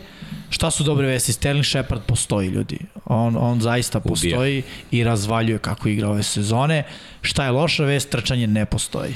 No, Barkley prvi meč sad se vratio. Ne samo Barkley. Ovo je bilo od ovih 57, jedno je 41. Da, kad ga je, je to kad ga je jurio ovaj, Chase, Chase Young, korak za korak, ili misli to? Jes, ba, gledaj, ali to je jedino što je prošlo. Da. Znači, on bez tog 41, šta ima, 16 To je ono, home, on je home, home run hitter imaće jedno to ogromno trčanje, ali Jeste. mora da izvuče pozitivno. Daniel Jones je on bio odličan. Jeste, vidi, nije imao interception. Nije izgubljeno loptu. Nije imao ni izgubljeno loptu, do duše jedan touchdown je samo bacio, istrčao jedan, ali ja to kad kotrbe koji, koji nije Lamar Jackson, tako da kažem, ili Kyler Murray, gde imaju dizajnirane trčanje, za, dizajnirane akcije. Ovo su bile, ok, read optioni, to stoji, ali Daniel Jones. A, a sposoban je Daniel Jones, to ljudi baš meni je smešno, meni je smešno što je Daniel Jones trčao na kombajnu 4-8. A juče kad je izvuk, kad je dao ovaj touchdown koji se nije važio na kraju, on je sa svojih 4-8 spržio tri lika koji su trčali 4-5. Futbol Znaš, ne znam, i možda, da, možda nema veze, to ono što pričam, ta brzina na terenu. Neka, Ruglo, da, znaš i sam. Tako je, ali lepo je izvukao, pobegao na stranu, uhvatio, tako je, zasekao onaj cutback na kraju, ovo mu je bila, kažem, najbolja utakmica u karijeri, jer prošle je imao izgubljeno loptu. Treba da ima četiri touchdowna i Slayton ispustio Tako i je. to što je ponovljeno naš. Ali e, ono što se meni nije svidlo za obe ekipe, to je nedostatak igre e, po zemlji. Uh Obe ekipe su bile jako onako rezervisane za, za trčanje. Gibson je odličan trkač i ne možemo kažemo baš da kao nešto nije išlo, prosto uh, išlo je postepeno 5,3 u proseku, mislim, to je odlično. McKissick, ok, nije on neka trkačka opcija, on je ona opcija za treći down, na trećem downu, kad se završava polovreme ili, ili utakmica da, da, da, da ovaj, uđe kao dodatna hvatačka opcija i naravno Scary Terry, koji predvodi, mislim, trećinu yardi je on uhvatio koje bacio taj, yes. taj, Taylor Heineke. Ali da se vratim na inicijalnu misao, trčanje jedna i druga ekipa, ono, evo, Barkley 13 pokušaja, 13 nošenja, Gibson 13 nošenja. To nije rezultat, uh, to nije zapravo formula da ti budeš uh, konkurentan u, u, u ovoj ligi. Nemaš Toma Brady na, na poziciji quarterbacka, a, čak nemaš ni Daka Preskota, ajde tako da kažemo, napravimo malo paralelu sa tom prvom utakmicom kojom se otvorila sezona. Tako da mislim da u velikim utakmicama i za jednu i za drugu ekipu to će biti veliki problem, to oslanjanje na quarterbacka koji je ono, eto, rešenje, imamo ga ok je, ne znamo još uvek šta je, ali ok, mislim da to nije formula i mislim da je ono priča standardna za istok već poslednjih par godina. Borba za šampionat svoje divizije i nažalost ništa više od toga. Dodao bih- Može da ih izvodi samo to što će Dallas da ima 13 pokušaja nošenja. Da. Tu jedino Fila trči. Jedino Fila Jeste. trči. Dodao bih, e, malo sam razočaran u odbrane koje su prošle godine bile Da. top 10, Top, uh, Washington top 3. top Ovo je 3. divizija. Mo moraš da staviš zvezdicu. za istok NFC je uvek. Po 30 poen, 29 i 30, to baš od odbrana Jest. koje i Giants su bili top 10, Washington top 3, znaš, očekuješ da će biti bolje odbrane, čvršće. Ja, dobro, Washington imao 4 seka, ali 3 u prvom polovremenu, ali on, on mislim, Landon Collins imao 3 greške ozbiljne, da. Da. da je ovo i uhvatio Slayton. Znaš, to, to su baš ge, on meč. bio pro bowl Jedno safety. od trčanja, ono kad je dao touchdown zapravo, Jones pa se nije važilo, je Collins zeznuo od C-gap. Collins Tako je van, on je imao van outside fokus. contain. I posle coverage pustio Slaytona. Njegov je bio čovjek, mora da on ode duboko, on zagrizo dig od 15 yardi, ostavio pol za touchdown. Mislim, To nema što radiš ko safety. Diko je prošao linebackeru 3 yardi za leđa, on to može bukvalno da pokrije. Ali okej, to su, to su neke greške jednih i, i drugih i ono, Ali ja mislim, zna- izvini, znaš kako, samo, je samo jedna stvar. Mislim da divizija postaje bolje, zahvaljujući ovome kako igraju. Postaje bolje. Ne, ozbiljno vam kažem, možete se ne šalim. Ti kad odigraš teške utakmice, ej, čoveče, ti tu gradiš ekipu, ja kad gledam energiju koju Heineken donosi, ne kažem da će oni jednom biti ne znam koliko konkurentni, ali ja mislim da je to, da je to klasična ekipa koja može ti bude ozbiljna mina u nekom trenutku. Znaš kako ja to vidim? Unutar svoje divizije oni će da se tovare, što se tiče e, broja postavljenih poena van divizije, to će sve biti Da. 20, 16, Baš to. 23, 20. Osim znaš. ako ne naleti Atlanta. Ne, ne, Da. sve Da, okej. ili ako ih neko ne pregazi Ali- principa 45 Neko poena, oni se ne pojave. Ljudi ide u play-off. Ja vam kažem, neko mislim- će ovde biti mina iz te iz isto zapamtite divlji Ja znam ko, zapad ali neću jeste. da kažem. Da, da, da. Ne divlji. razumem da je divlji zapad, ali divlji istok će se ovde desiti. Yeah. Jao. Tužni istok. istok. Ozbiljno vam kažem, vidjet ćete. Na ovom istoku Pamtite. sunce ne izlazi, Srki. Pa, pa, pa, ali nekom će da zađe, veruj mi. Kontro, lepo te kontriram, mogu ti reći, lepo te. Čekaj, Lepo te. Divlji zapad. nisam očekivao, moram ti priznati. Ali, evo, brate, mora se iskoristiti. Ali, pa vidi, ja gubim kosu, ali unutra se razvoj događa. Tik tak, tik tak. Ajmo dalje, već je kasno. Ovo je se ponoć, ponoć približila. Nije, okej. Drugu. Bills i Dolphinsi 0-1-1-0. Ključna utakmica, ja bih rekao, u AFC istoku. Dolfinci ako pobede s 2-0, dve divizijske pobede odmah na startu, ozbiljno prednost steču da uzmu diviziju. True.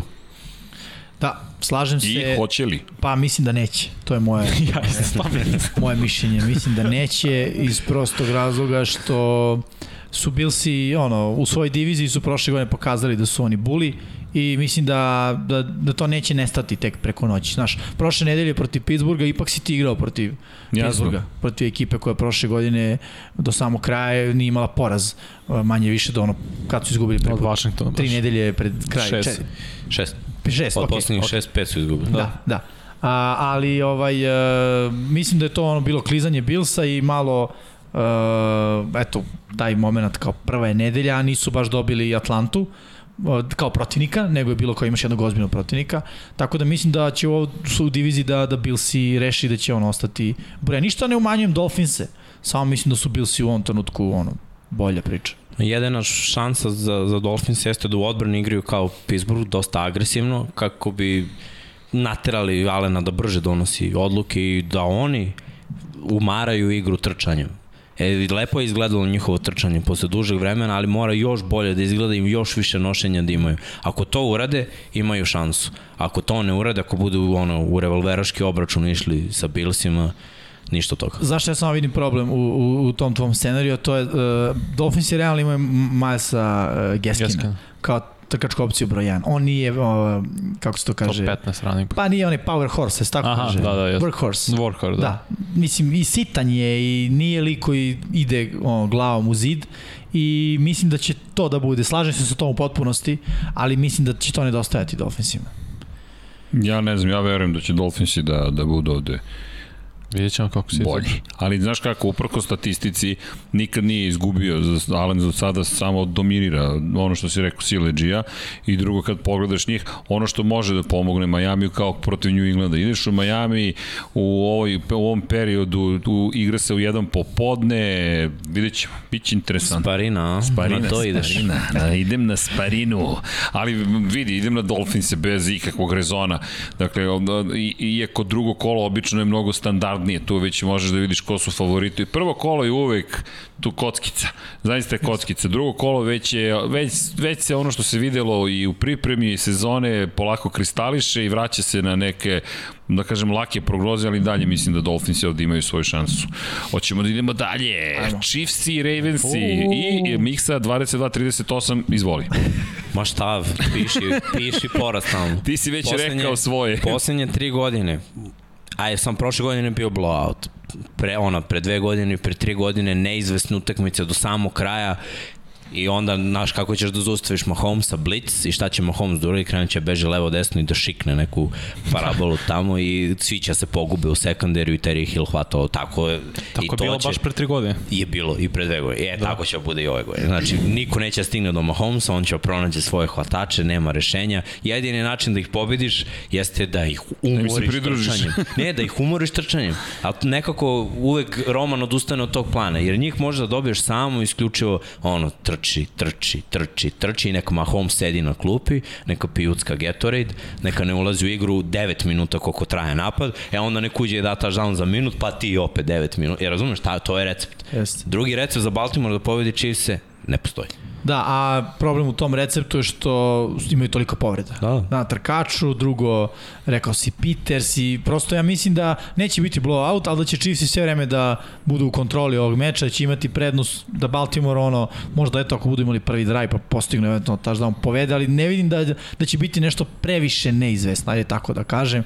Ovaj, I ono, Chiefs su mi favoriti. Pa i meni samo, vi ste rekli, šanse Baltimore jeste trčanje, Chiefs i odbrana Chiefs nije tako kao što je bilo prošle godine. Vraća se Honey Badger, igraće, ali opet jedina je to šansa. Ali stvarno mislim da će Mahomes raditi svoje kao klasično u septembru. Ja i dalje mislim da će Baltimore da pobedi. Ti si rešio da kontriraš. Da.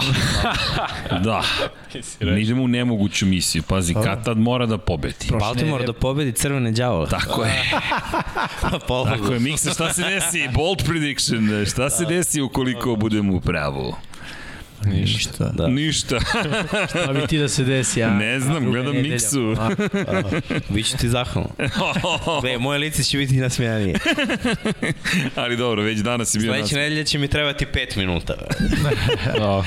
Ali dobro. Granted sve ste objasnili, ja samo dajem moje, moje predviđanje. Idemo dalje na utakmicu broj 3, Remsi, Kolci, da li treba uopšte da...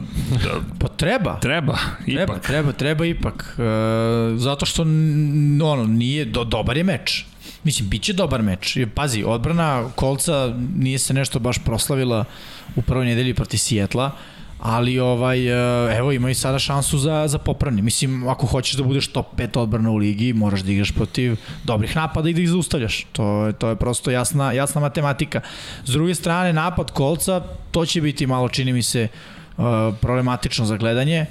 Jer Arnold, Arnold Donald uh, onako ne znam, mislim da će Vance da ove nedelje ima flashback iz Eaglesa kada nije imao ofenzivnu liniju. da, PTSD. Taman je, taman je u prvoj nedelji onako videli smo da ostaje u džepu i to, ali ne znam da li ste primetili čak i u prvoj nedelji kada mu pritisak baš tu, kada oseti bolje ruke, regovo. ma ne, ma beži, vrati se to. Meni bolje. Beži unazad, znaš ne ulazi u džep. Da, ima ono jedan pokušaj na njegovog yes. klasičnog izbjegavanja yes. kad proba Kacigu da podvuče, ono, to, to je event, njegova, njegova pa, finta. Pa, pa ključni zapravo duel je Nelson Donald. To će biti Pa jeste, slažem se, pitam da li će Donald sve vreme biti na toj strani, Tako je, on istina. menja strane. Da, on igra ječ i unutra sve. Da, igra, da, igra svuda. Igra svuda, ali i ne samo to, Miksa je već rekao, uh, hvatači nisu tako elitni za kolce, pot, potencijal su, ali nisu tako elitni. Remzi će da se naigra na ovoj Remzi će da. da se naigra i ostatak sekundar je dovoljno dobar da zaustavi, ja bih rekao, sve što nije opcija broj 1 u, u, u kolcima. Uh, eventualno da je mogu da vidim to je da taj tendovi možda naprave razliku za kolce, ali još nisam video Venca da je počeo da uh, implementira to. Da, sa Doylom je imao je nekoliko konekcija prošle nedelje, ali treba imao Ali Cox taj momak isto onako specifičan. Da, Dobro, on je s Riversom imao baš ovo dobru konekciju prošle godine. Tako je, tako je. A, tako da, ono, ja da sam kolci, rekao bi, ajde trčimo. Ajde trčimo, pa šta nam Bog da, smanjimo pritisak sa venca, to malo što bude bacao, neka bar bude bezbedno za njega, nek se osjeća konforno, ali nisam siguran da će Rajh baš tako da, da razmišlja. No i da razmišljam, nisam siguran koliko će proći to trčanje Da. protiv ovih. Jeste i to. Mislim, Remsi. da, to, nema šta. Ne bih dodao Remsi. ništa. Rem, Remsi. Remsi. Ne, ja mislim da će ovo biti nastavak, jer ja mislim da će Remsi sada da uhod, da će McVay sad pun gas. da Kaznena da. ekspedicija. Da, bukvalno, ja mislim da će on sada da, da pokuša da zgazi što je više moguće i da, ono da kontroliše kroz nastavak sezone, jer vidi, ti si u teškoj diviziji, tebi svaka ova utakmica je mnogo važna, tako da ne vidim da će sput, ne da, ne, mislim da iako dominira da će nastaviti da povećava, da će da to da bude ono 50 pojena, ako može 50 pojena, ne kažem da će se to desiti. Pokazuješ novu igračku što imaš, to je to. Pa između ostalog, ali vidi, ti se pripremaš jer ti moraš da zabeležiš pobedu i drugo, znaš, ti sad tu imaš priliku svašta da, da te probaš. To stavljaš do znanja drugima, kao. Vidite što vidite šta, šta Stafford sve može. Fatality, Vidiš ovo? Da, bukvalno da, ne, brutality. Fatality, brutality. Brutal. Opa, prešli smo na brutalne momente. Idemo mi dalje. Utakmica između Raidersa i Steelersa. Da je ovo utakmica prve nedelje, Dom ne bismo... Pablo se Da. Budem smeška, da je utakmica pazim. prve nedelje, ne bismo izabrali sigurno. Istina. Da. Ali, pošto su Raidersi imali odličnu prvu... E, Dođe samo meč. problem, Jacobs ne igra u nedelju. Da, I nije trebao da igra iskreno ni protiv Ravensa, Da. da. jer nije mnogo igrao, samo je još više problema sebi napravio, mm -hmm. jer taj turf toe, to je paklena pora, ne možeš da promeniš pravac, ne možeš da zastaneš, šta god da uradiš boli i ako pojačaš to pored, to, mislim, to ima ono Shaquille O'Neal, sećam se, pa su ga forsirali da igra i posle propustio celu sezonu. je li to ono atletsko stopalo? Ne, ne, ne, nego palac mu je Da. nabijen. A, Ne možeš, a ti igraš na veštačkom, na veštačkoj travi. Palca, a mora da, me- mislim, da Znaš running back ti, igraš. to se ukoči, tu nema klizanja, ti imaš Gledaj, maksimalni otpor. uđeš u ofenzivnu i defanzivnu liniju, pa neko mora te zgazi. Ti moraš da radiš na vrhovima prstiju da guraš napred, znači mora savijaš palac, znači to ubija. Vidio, tačno se videlo, istrči 5 yardi, onda izađe napolju i kuka 10 minuta, tako je igrao. I sad, bez njega, Raidersi nemaju trčanje. A da li će Steelers da dobiju kao Baltimore s 50 plus dodavanja, teška priča. Ne znam, meni, je, meni se ne, generalno to ne dopada tebi ili meka tkiva tu stradaju instant, sve ona podnose u suštini, ti nemaš, ne, ne postoji gde da, da, da, da, da ode prosto energija, kinetička energija, sve se, sve se pretvori praktično u prenos kroz tvoje telo i to baš, meni se nije dopalo što su, što iskreno, meni to plaši kad vidim takve situacije, jer jednostavno ti tereni su zaista, meni su zastrašujući, vi to mnogo bolje znate, ja sam poslednji put igrao bilo šta davno, ali ga ne ozbiljno kad pogledaš, znaš, to ti stradati koleno tako lako, stradati uh, ligament, bilo šta, a pride, što kada govorimo o palcu, na primjer, samo ti se zaustavi kopačka, to nastoji. Šta će da plovi? Plak, tvoja noga. ja mislim da će ovde drugo polovreme biti mnogo bolje i efikasnije od prvog, jer jedni i drugi igraju bolje u drugom, drugom polovremenu. Pa, Raidersi su, su evo, Znaš sad kako? ono, pokazali da su ja, korektni u završnici. ja ne verujem, ne znam, ja i dalje ne mogu da verujem previše u Raiderse, zato što Gruder nisam video da je uspeo da... Ne, ozbiljno, pa Raidersi, ja, ja verovao sam da će pobediti u prvom kolu, ali kada pogledam Grudena i sve što se događa, znaš, to je stalno gore dole, stalno je toplo hladno. I ovu utakmicu su mogli da izgube. Jesu, jesu. Ba, baš su se potrudili da daju sve od sebe u toj situaciji. Jednostavno su se Ravensi više potrudili u toj situaciji. Ali ono što si Miksa rekao, pa ne možeš, znaš, ti, ti, ti, ti si tu, ti si na kraj završio si posao, ti predaš loptu i onda šta, Ravensi vraćaju loptu, daju ti još, još šansi. Ajde još, ajde, ajde zaista nas dokusurite. Ne znam, Raidersi i dalje su mi čudna jedna ekipa. Da, isto ko bi samo, ipak su Raiders igrali protiv sakatih Ravensa, sad idu na kompletne Steelers-e.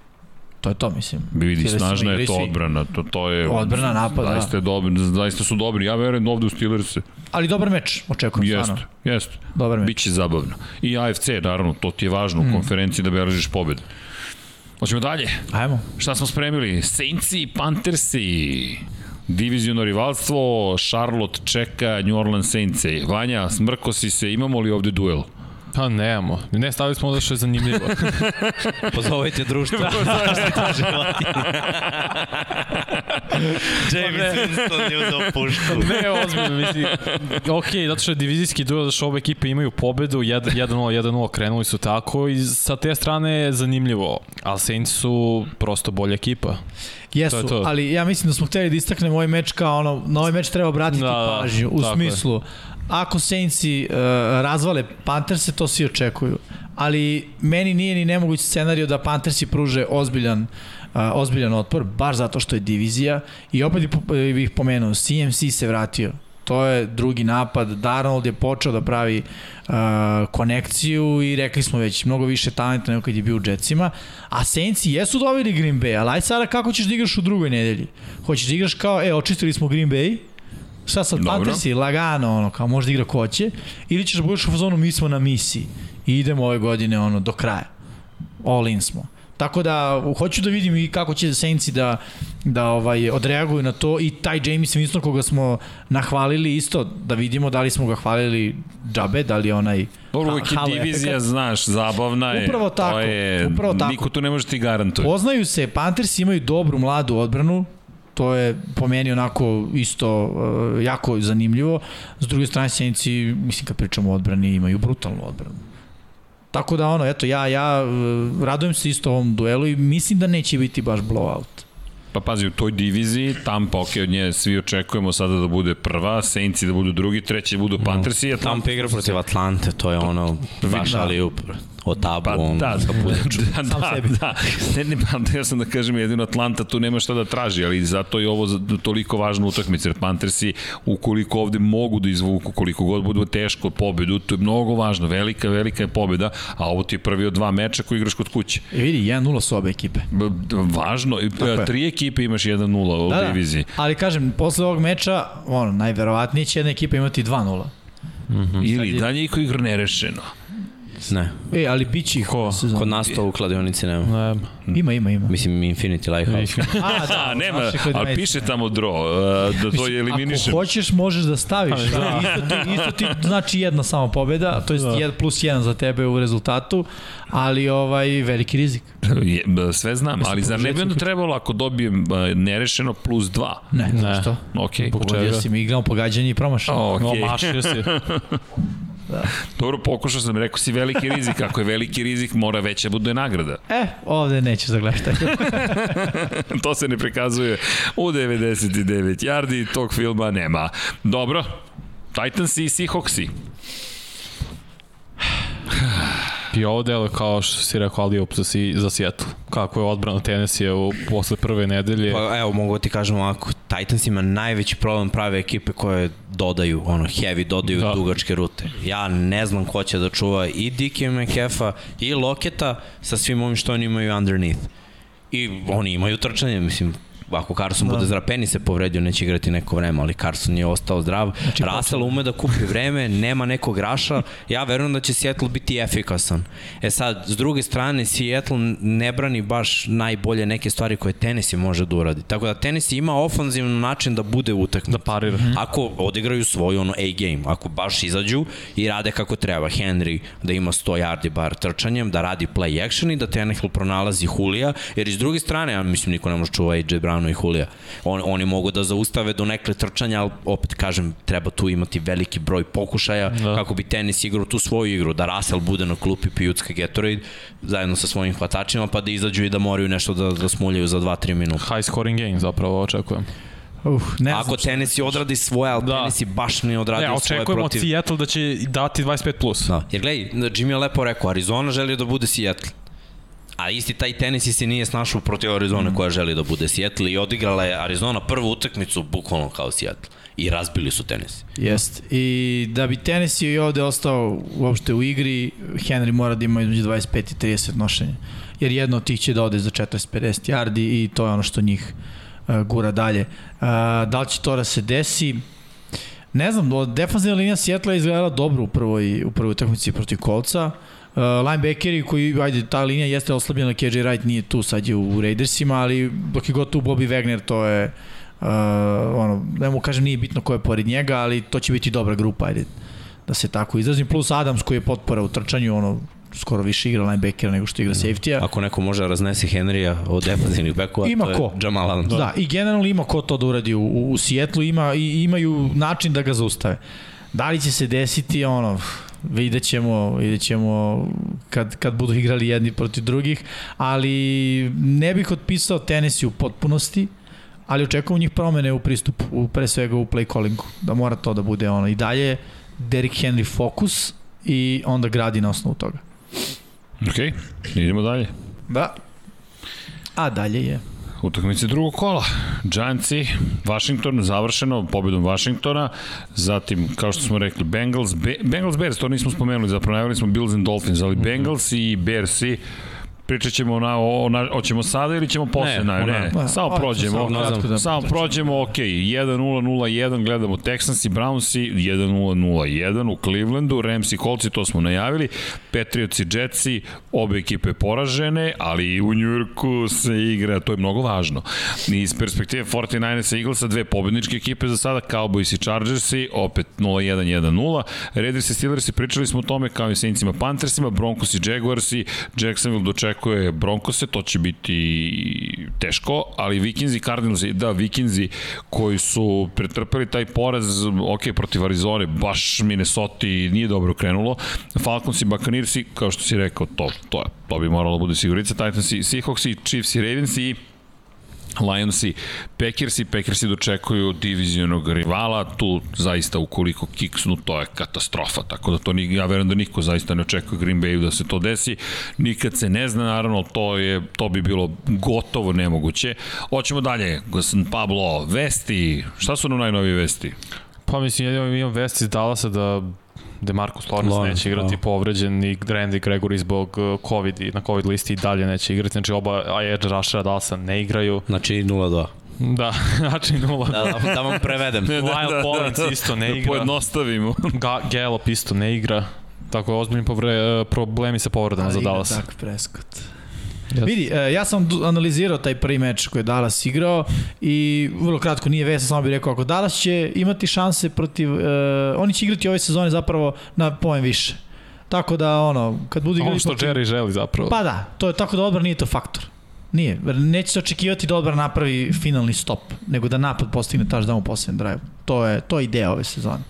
Tako da to što ovi ne igraju jeste problematično, ali oni će da igraju na 40 pojena. To, to je ideja svake sezone. To je ideja, da, ali Mi ćemo da će upaliti ove nedelje. To neće upaliti. Ja ne znam što tiče vesti još. Pa nema, za, za, za Jacobsa, da, za Jacobsa da, da propušta. Da, nova vest. Uh, pa da, pa ima tu ono povreda ko, ko pa, da. dosta povreda je u prvom kolu bilo. To... Mm, Everson Griffin je u protokolu potresa mozga, ali čudan incident mm -hmm. je imao saobraćene nesreće Aha. u pitanju.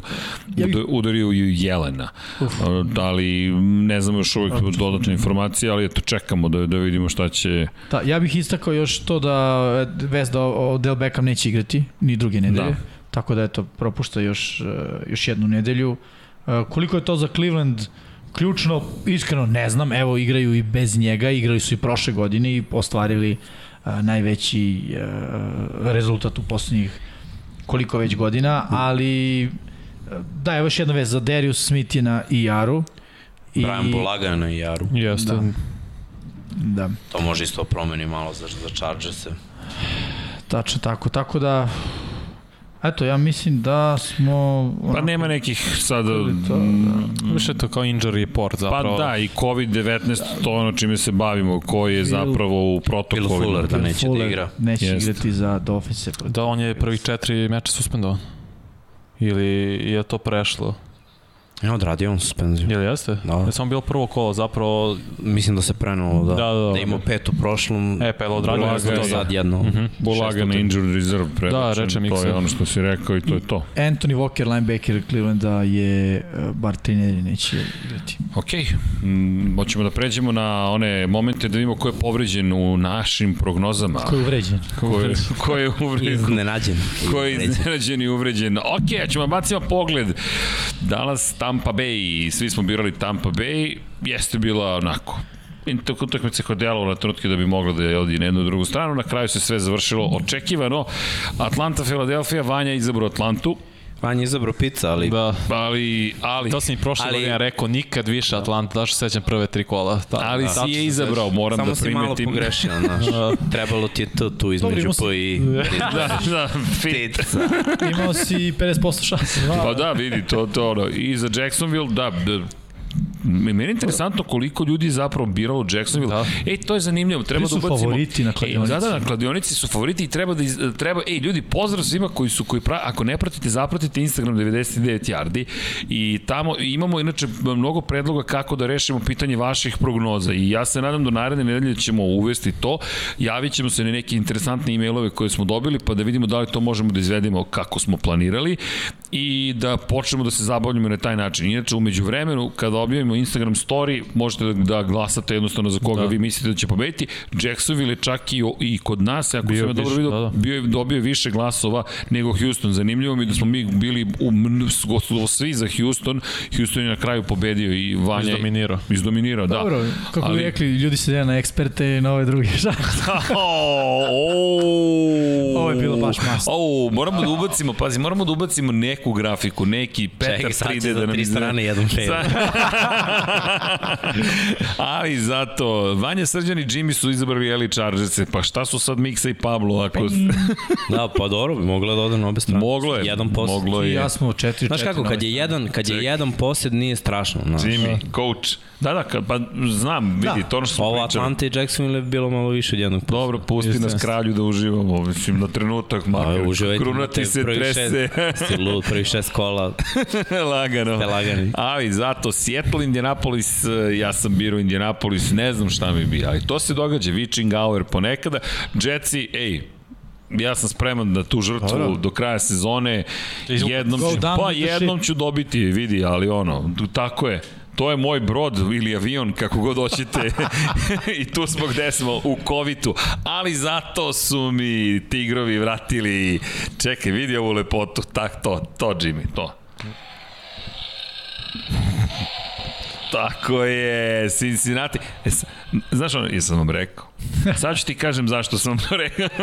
Ajde, ko će da nam kaže zašto? zašto? Nema pa, objasnio sam moju teoriju, moram malo da igram kontra, ali zaista sam verovao u Cincinnati. Uopšte se ne šalim, nikad ne verujem pred sezoni toliko. Znaš, kad jednostavno verovao sam da taj, taj tim može da ovo dobije, ništa drugo. Nemam nikakvo objašnjenje. Tennessee, ok, svi smo prošli s jednim povićim X, niko ovde nije izabrao Arizonu, San Francisco, ok, to je to.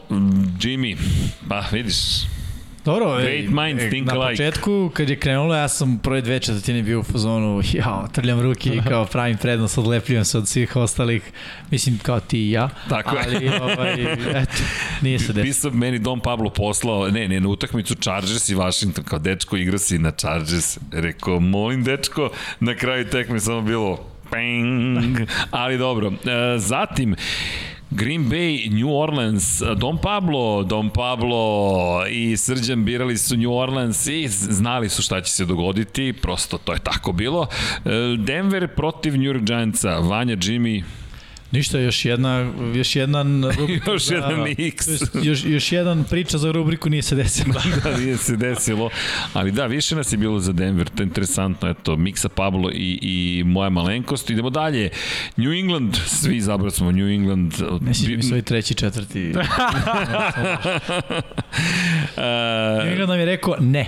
Što piše. Ne, rekao, ne, vidi, da. Ali, ali pogledaj Raiderse znaš, Remsi, izvinjam se, Remsi, to nije bilo sumnje, a Raiderse, ajmo da preskočimo, da ne, da ne bude da se preskoče Remse. Raidersi... Uh, Pavlo treba zeleno da ima da, X. Da, okay. nije X, Nema Vanja.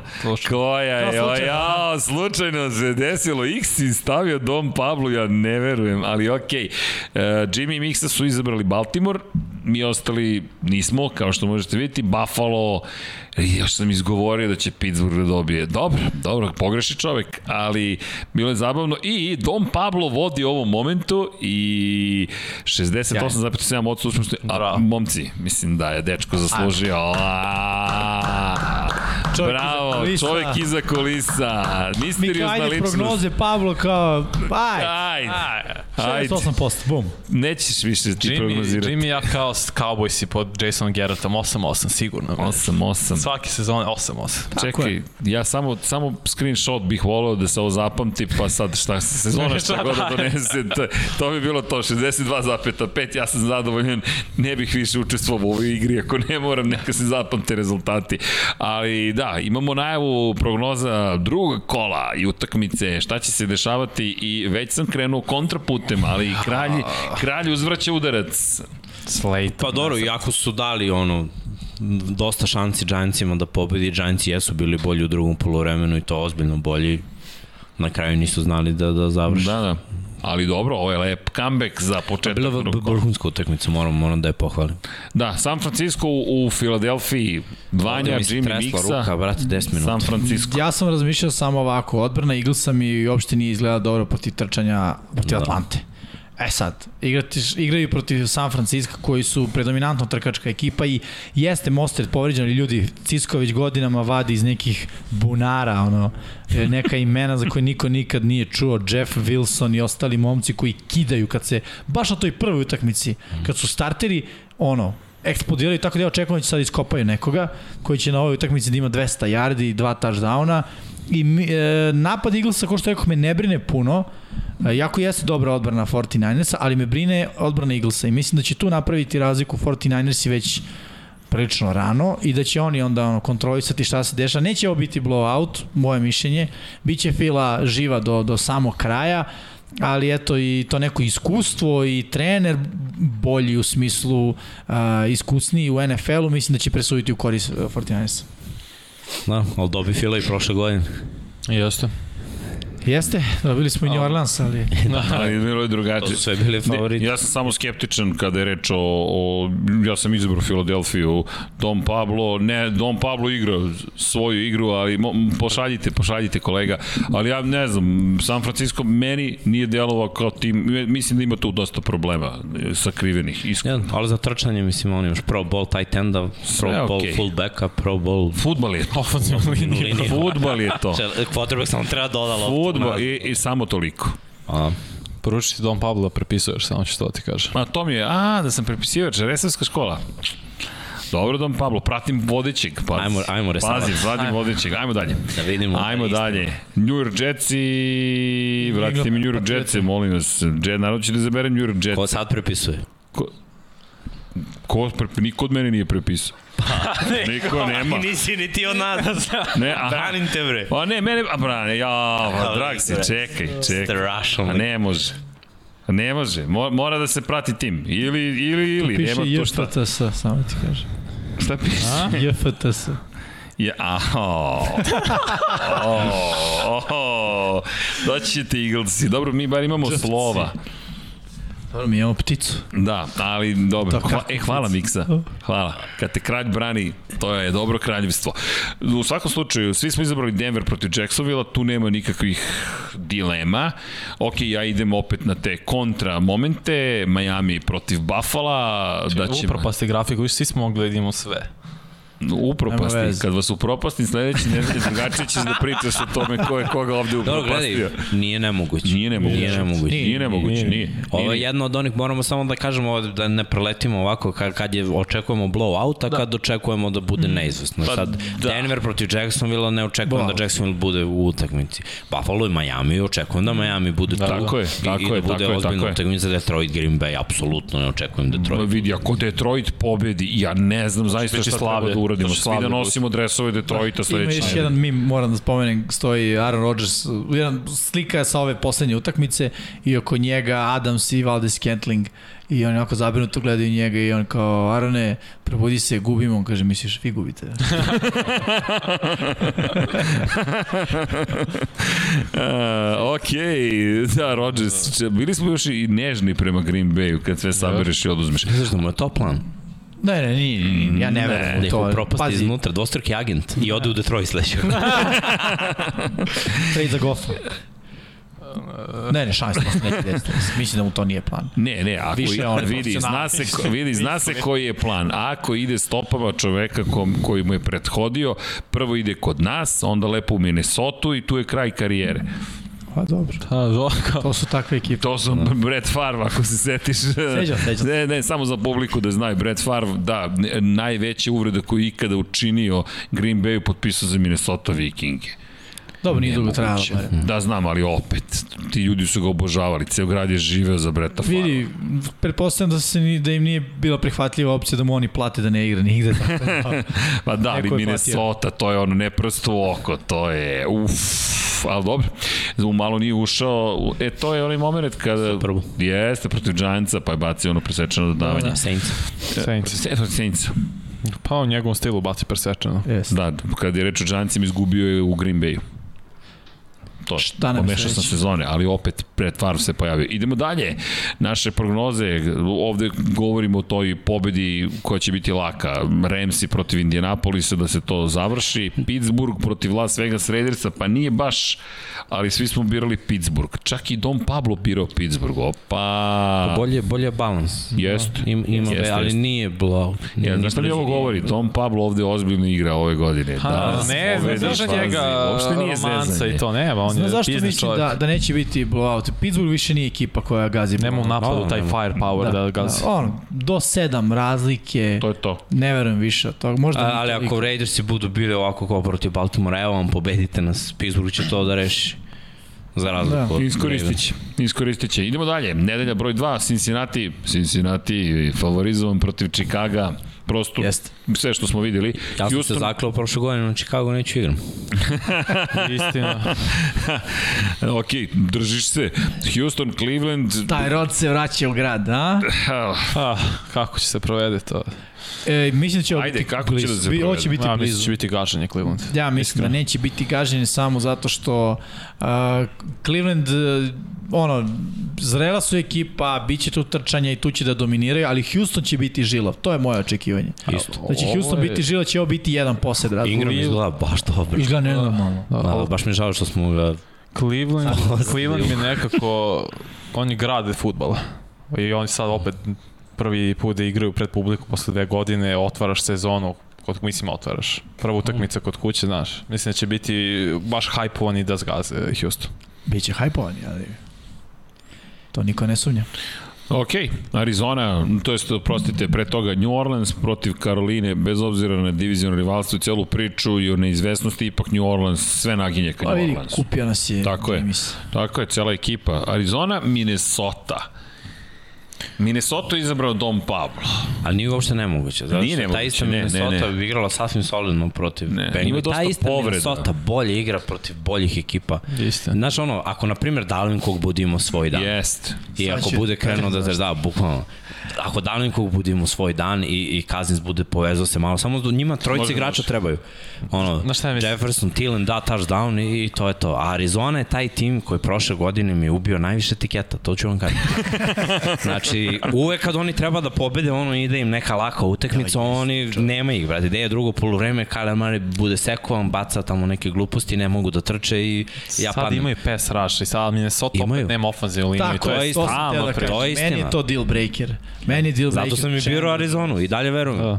Chandler, Ali blizu su Chicago, znaš ono, tu su još 10 poraza, 2-3 tiketa i... A meni je deal breaker Chandler Jones nakon onih utakmica sa 5 sekova, ok, ne očekujem utakmicu sa 5 Da. sekova, ali tu i JJ Watt. I ima i čime da ih povrede. A, Kazans neće imati tu dodatnu sekundu koja mu treba. Ja, moj stav je i pričam to već neko je da Kazans je kvotar kome treba sekund više u svakoj akciji. Mislim da to neće imati i da je zato meni Arizona lakši pik. Ne zbog napada Arizona, da se razumemo odmah, nego zbog odbrane Arizona. Dobro, Minnesota, Još. gledamo Dom Pablo, to će biti interesantno ukoliko tu donese Da. da. pobedu, pazi to, već sad postaje, prednost. to postaje drama. I imamo još jedno, je jedno, još, još četiri utakmice u kojima tipujemo i sad Atlanta, Tampa Bay, svi smo izabrali Tampa Bay. Kako To bi bio šok Kako sezone. si ti rekao Tennessee? Nemam pojma. Si ti rekao Tennessee? Pa rekao sam Tennessee. Stvarno si rekao Tennessee. Ja se nećem, iskreno popunjavao sam juče, ja mislim. Ok, ja Ali sam rekao sad, Tennessee. Evo, mogu sad da odbranim tu teoriju. Molim te u ime obojice, pošto ja ne mogu da odbranim. da, pa eto, samo očekujem da će da se Vrabel uh, probudi. Da će biti ono, e, okej, ne, nije, nismo još spremni da pređemo u ovu fazu i ajde da se vratimo na ono što je funkcionisalo. A, opet sad da se vratim s druge strane, defanzivna linija Seattle izgledala jako dobro protiv trčanja, ali da ih vidimo protiv Derika Henrya. Bolje od ovoga ne mogu, Srki. Gledaš u mene, ali ja, sve od sebe, ja, kao. ja ne mogu da te vadim. Julio Jones će se probuditi. da, da, što da ne? Čekaj, Da, što da ne, čekaj. I onda će se desiti nešto čudesno, to- ali vidi, ja bih isto sve na Vrabla.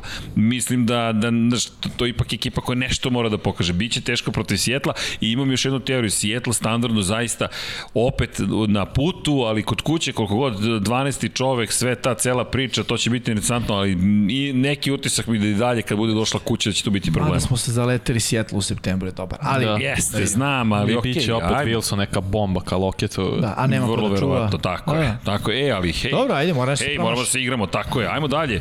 Igrali smo se. Ovde Chargers se biraju Vanja Evo, jedva i čekamo Miksa. zašto?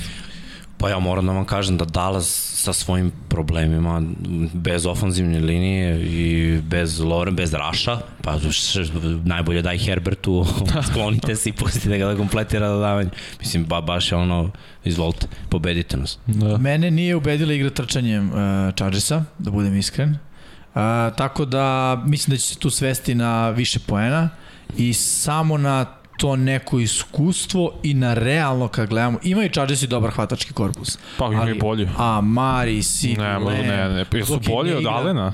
Od koga? Od Alena? Pa ni Allen čet puta četiri, nego jedan Allen. Nije I, Mike Williams. Mike Williams. Okej, Mike Williams. A Gvozdana Cevanica, A, dž- a čekaj, Jared, a Jared Cook je bolji od bilo kog taj den na Dallas. Ne, ne, Jared Cook nije bolje bilo. Od ko, ko je? Ekeler. Molim? Ko je bolji? I Jarvin i... Jarvin je bolji? Da, Jarvin je ja. bolji, verujem. Jarvin je pouzdaniji. Jared Cook će da te proda. veruj mi. sa ok, vidjet ćemo. Ja samo očekujem veliki broj poena i očekujem da na kraju Dallasu se bolje sklope Znaš zašto? nego Jedino, Defensivne linije Washingtona je mnogo, mnogo, mnogo bolje od defensivne linije Dallasa i zato Istina. trčanje nije telovalo, mislim da će bolje sad izgledati trčanje mnogo protiv šuplje Mislim, od Washington je zatvorio trčane Giantsa, da. koji ono, Jeste, ali Giantsi su probali 13 puta, znaš, nije kao bilo ovaj promo 30 puta pa kao ne ide. Znaš, tako Znaš, da, nije, nije da Brian Chargers i trčanje i Ekelera koji ono, dune vetar i povređenje. Da. Pa to je problem. ali govorimo ono quarterbacku koji može da da poveže Ekler bol, bolesna hvatača iz backfielda. A da Dallas je onako malo sad bez Lorenza, Gregorija. Da. Ja, znači To- ja kažem, odlučuje se u poslednjem drajvu i dajem prednost Dallasu jer će imati poslednji drajv. To to, ajmo dalje. Ok, idemo dalje. Još jedan, ja mislim. Još jedan, da. Ja treba da se ovde objašnjavam. jel Srki, te i treba pustiti pesmu I'm a Believer. Bukvalno. I'm a believer. pa vidi, rekao sam već. Da, Mora Ti, doći. ti Dobro, prošle godine birao Baltimore, da se sećam protiv Kansas, isto. Jeste, jeste. Pa mora doći taj dan. Da. The day that never comes. Pustiš metaliku i gledaš utakmicu. možda dođe, ali neće sad Srki. Da. I u to ime, ovim pokopavanjem, ja bih završio segment zvani naše prognoze i sada nam ostaje ono čuveno, udrite like, udrite subscribe, s obzirom na činjenicu da smo pri kraju. Ima Dom Pablo još neko iznenađenje za mene? ima. Ima, opa, Vanja. Pa- pa YouTube subscribe. Ne, ima još. O, ima i posle toga još. Čekaj, palac, Ja, zadržim man. ovo je za like. Pa šta je slede? Čekaj, I je zvonce za subscribe? Hej, zvonce ste Pa ne znam, uzeli su. Produkcija. production. Opa, pa dobro, šta je sad za kraj? Gde mi je Livion Bell? A, za kraj. Nije ovo za kraj. Ne zaboravite, imamo i mi pitanja, imamo i odgovore, imamo još, Još neke jedno. stvari. Pola, sve sam shvatio, nemojte da brinete. O, ono što želim da kažem je vratite mi kadar, šalim se, šalim se, nemoj da vraćate kadar, ovo je mnogo lepši i bitniji kadar. Pokrovitelji na patreon.com kroz Infinity Lighthouse, vi znate da, da, da je sve zasnovano na emocijama i kada je reč o kombinaciji američki futbol, ova, ova ekipa za stolom, pa i ekipa tamo iza kulisa, I svi vi zajedno, ja, nemam, ja mogu samo svakog, svakog dana da imam knedlu u grlu i s obzirom na činjenicu da nam šaljete dresove, kačkete, šaljete divne poruke, pitanja, predloge, nudite nam podršku kada je reč, na primjer, o konkretno tome da se organizuju vaše prognoze, više predloga imamo, tako da ćemo to pokušati zaista da sredimo do sledećeg petka, da možemo da se igramo čak i ranije na društvenim mrežama, to sve da vas obavestimo, a što se tiče pokrovitelja, tu posebno zaista zahvalnost i želim da pročitam ta imena. Zašto? Zato što svi zaslužujete iako ste sa nama na ovaj način, ako niste sve ok, ljudi, bitno je da delimo tu strast i ljubav prema američkom futbolu, ali Sava, Toni Ruščić, Mario Vidović, Ivan Toškov, Stefan Dulić, Marko Bogovac, Ozren Prpić, naš prvi, prvi pokrovitelj na Patreon, opa, dobio i zvonce, Ozren Prpić, nice, Marko Mostarac, number one je number one, Nikola Grujičić, Aleksa Vučej, Zoltan Mezej, Zoran Šalamun, Miloš Banduka, Laslo Boroš, Đorđe Radojević, Ivan Simunović, Mihajlo Krgović, Nena Divić, Nikola Božinović, Monika Erceg, Omer Kovačević, Filip Banovački, Miroslav Vučinić, Predrag Simić, Žorž, Stefan Vidić, Mlađan Antić, Jelena, Mladen Krstić, Marko Ćurčić, Milan Nešković, Ivan Maksimović, Bojan Mijatović, Petar Relić, Stefan Prijović, Nenad Simić, Luka Savović, Andrej Božo, Boris Gvozden, Boris Golubar i Zorana Vidić, plus 19 tajnih pokrovitelja koji su izrazili želju da se ne, saopštava, ne saopštavaju njihove imena, nas podržavaju i na ovaj način. Hvala. Blago rečeno hvala. I veliko hvala za dve devojke koje nas podržavaju. To, tako Smo je. Smo futbol, se razumemo. Da, da. da, ovo je, Pa jeste. Jedne vidi, ovo je cijela ekipa koji cijel Infinity Lighthouse podržava, ima puno lepih poruka i kada je reč o Lab 76, 99 yardi, kosmosu i ono što smo htjeli da postignemo negde da pričamo priče iz različitih e, sportova, sfera interesovanja, ali opet ekipa koja deli iste strasti. Ova ekipa ovde deli najveću strast prema američkom futbolu e, i, i to je ono što smo i rekli, 99 yardi taj izražaj. Prosto ova ekipa treba da bude taj dodatni yard do, do touchdowna, tako nekako i nastao naziv. E, to je ta ekipa, to ta sad vidite, celu, celu ekipu, ali da, studio koji je sve popunjeni, uh, Vanju uvek volim da blamiram, ali ne vredi, Vanja, kad dođeš u 45. godinu vidjet ćeš zašto. Vidjet ćeš, da. za, vidjet ćeš, ah, ah, polako, dečko, ima, ima još puno vremena. Koliko, čekaj, ti si 21 godinu mlađi od mene.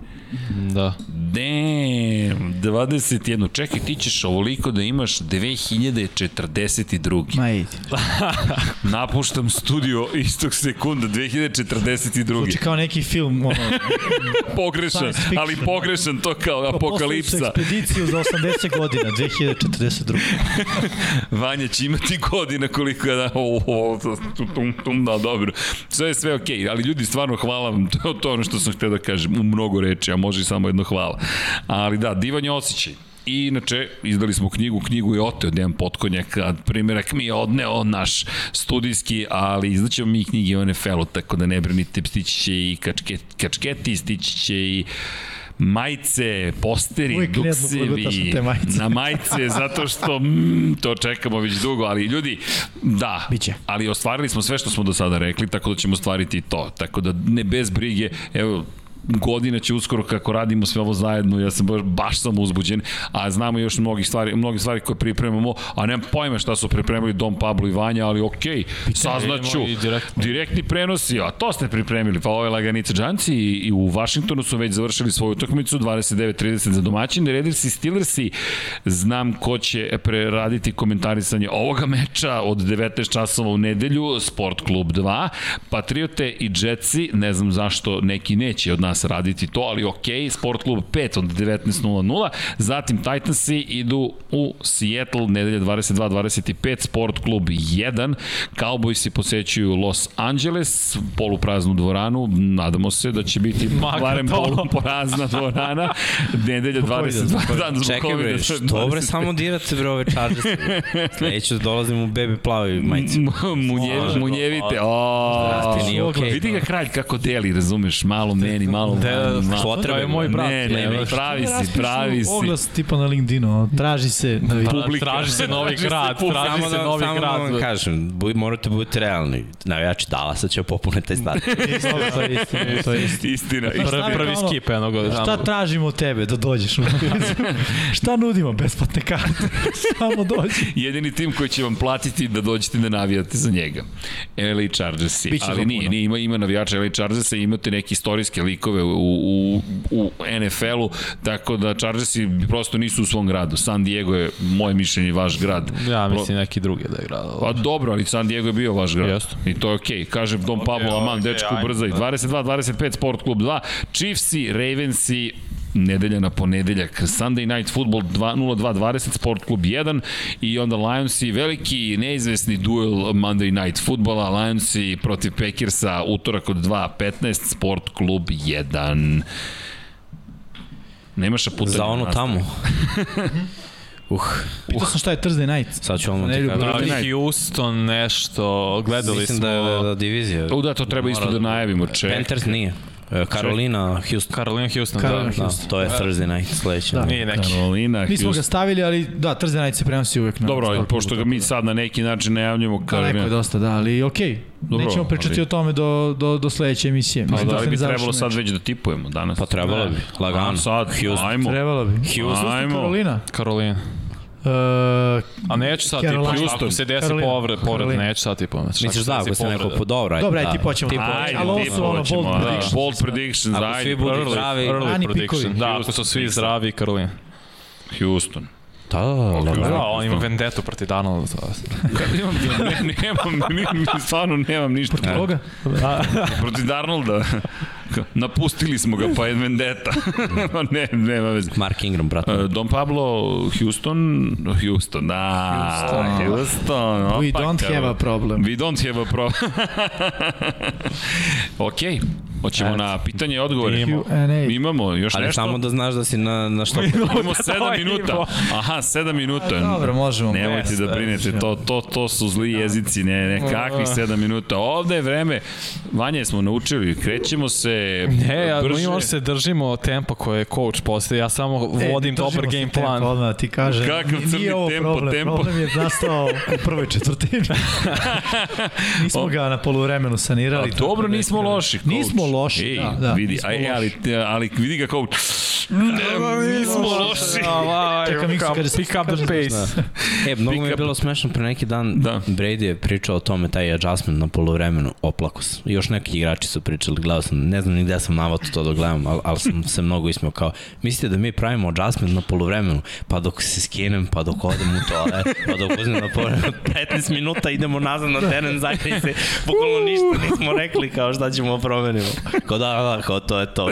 Second half. Čekajte, dok neki nameste kosu, dok neki... Koji neki znaš, to prirodno. to je namešteno. On te nauči ga. Šta? Šta? Pa, Pa on fura taj Mahomi. Aha, Mahomi. fazu. To su te nove frizure koje Da, mladih, nikad to, da. nismo imali i nećemo imati. Da. Aj ti sad. Evo imamo pozdrav.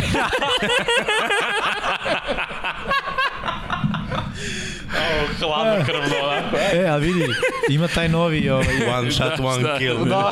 Nauči me. novi, novi izgled uh, uspešnog IT-evca. Šta je Ovde to? ništa, a ovde sve. To je brada i ćela. Niko mi to još Ne, nije nisi rekao. ti to, to, to ti. Ja se brijem. Nisi to ti. Da, nisi to ti. Ali glupo je, znaš, kao da nemaš dlaku. Mora negde da raste. Mislim, To je zvučalo da dosta vidi. pogrešno na više načina, tako da ću ja preći na pitanje i odgovore. Da li Ramsi imaju šanse do Superbola elegantno? Imaju. Ali- To je pitanje, da, ja sam, Da, ja ima, sam ima. rekao. Nakon ove predstave go Stafforda imaju. Da, da, deluju baš, baš upečatljivo. I još jedan veliki plus, Dešon je završio prvu utakmicu zdrav. Jackson. Moraš da lupiš zvonce. Inače da kro 3 da broji piva. 11 piva dugujemo čoveku. Čoveče, ja bih rekao da nismo ga spomenuli. Ali, čekaj, ako, ako smo ga spomenuli 11 puta, moramo još Kada? jednom. Da, ne znam. Tokom emisije. Kada? Dok je sad Miksa nije rekao, Da. nismo bukvalno Brady, evo 12 puta, 12 Ali- ali piva. dobro, ali Kada stvarno smo spokojni. Pa možda kad smo o Tampi pričali. Ne? Možda. Nismo pričali ne o znam, Tampi nisam. uopšte. Mi smo Ne znam. prošle, prošle Pa ono malo New Orleansu, što je zamenio. Možda. Ja sam ono, Dobro. Evo male pošalice Srđanova ćela, svetlija od moje budućnosti. Hvala vam, Branislave, taj to humor je onda na Branislav nivou. da se zapita u čemu je problem. O, Vanja, kako me brani, ovo je take down Branislava pao. Preuzimanje. Šta vam je? Krenuli ste na ekipu 99 yardi, o, molim vas, pa nema, evo mi ga free safety tamo. da, ali, kaže, pošto da Dragan Perišić, pošto sam se sinoć sam uništio sa gola da ima umesto McLaurina, koga staviti na fantasy nedelju, Jarvisa Landry ili Calvina Ridleya? Ja bih stavio Jarvis. Jarvis. Jarvis, Ja bi Jarvis. Ja ću da ga stavim u stvari, pošto ga... Pa Ridley može da ti igra samo u garbage Mhm. time-u, mislim. Pa da. a To mora čekaš do, do kraja. Jeste, to je ono, da grickaš nokte sve vreme. E, Da li vidite AB-a, Favela, Kube, inače šalje nam čovjek pozdrav iz uh, Minhena, pozdrav. Uh, da li ste videli iz Gronka da prošle godine nije znao baš gde se postavlja u akcijama, pa je to mi dosta mislio, sad zna playbook i da će biti produktivniji. To smo pričali prošli put, zapravo, kada smo i analizirali prvu utakmicu, da, da od Gronka očekujemo dosta. Bio je meta 8 puta, uhvatio 8 lopti, djelovalo je kao da sve zna. A i meni nije ostalo u sećanju da prošle godine nije znao gde da se postavi, iskreno. Mislim, Samo godinu dana čovjek pauzirao, mislim. da, pa nije to. Je onako Da. penzus, Pritom, penzus pa da. fazon. Pre toga je bio ono najbolji taj ten, nije se kao da je on neki medio, Pa dobro, mediokritet ali koji je se njegov vratio. pad u njegovim očima verovatno se mnogo Pa manje vidi. Jesi pao ako dođeš do Superbola i on Ne, ne, ne, ne, ne, u, u, u, u relativni pad. Pa, Aha, okej. njegov, u njegovoj glavi kako on sebe posmatra, to Pa da, ali možda. bio u ekipi u kojoj nije bilo potrebe da bude zvezda, u kojoj je ono penzioner koji se vratio u ekipu, od koga su svi nevije znali da će u jednom trenutku da bude uh, the man, što bi rekli, ili Da, da. čovek, i to je bilo na samom kraju kad je bilo u suštini jako bitno, kao i svi ostali, mislim, u Tampi, ono, u Superbowlu su se razigrali.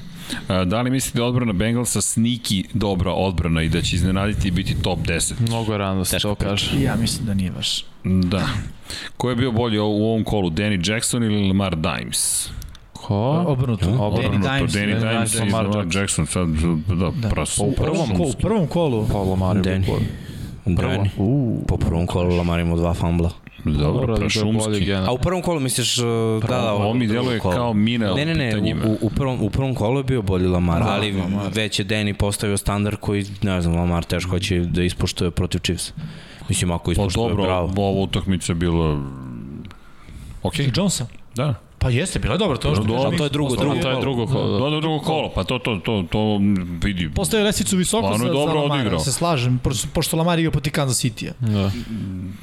Teško iz Pa, perspektive, da, ali, ali- okej. za Treba da istrči touchdown, da ima 100 yardi trčanjem i da ima 200 250. yardi pasom i touchdown.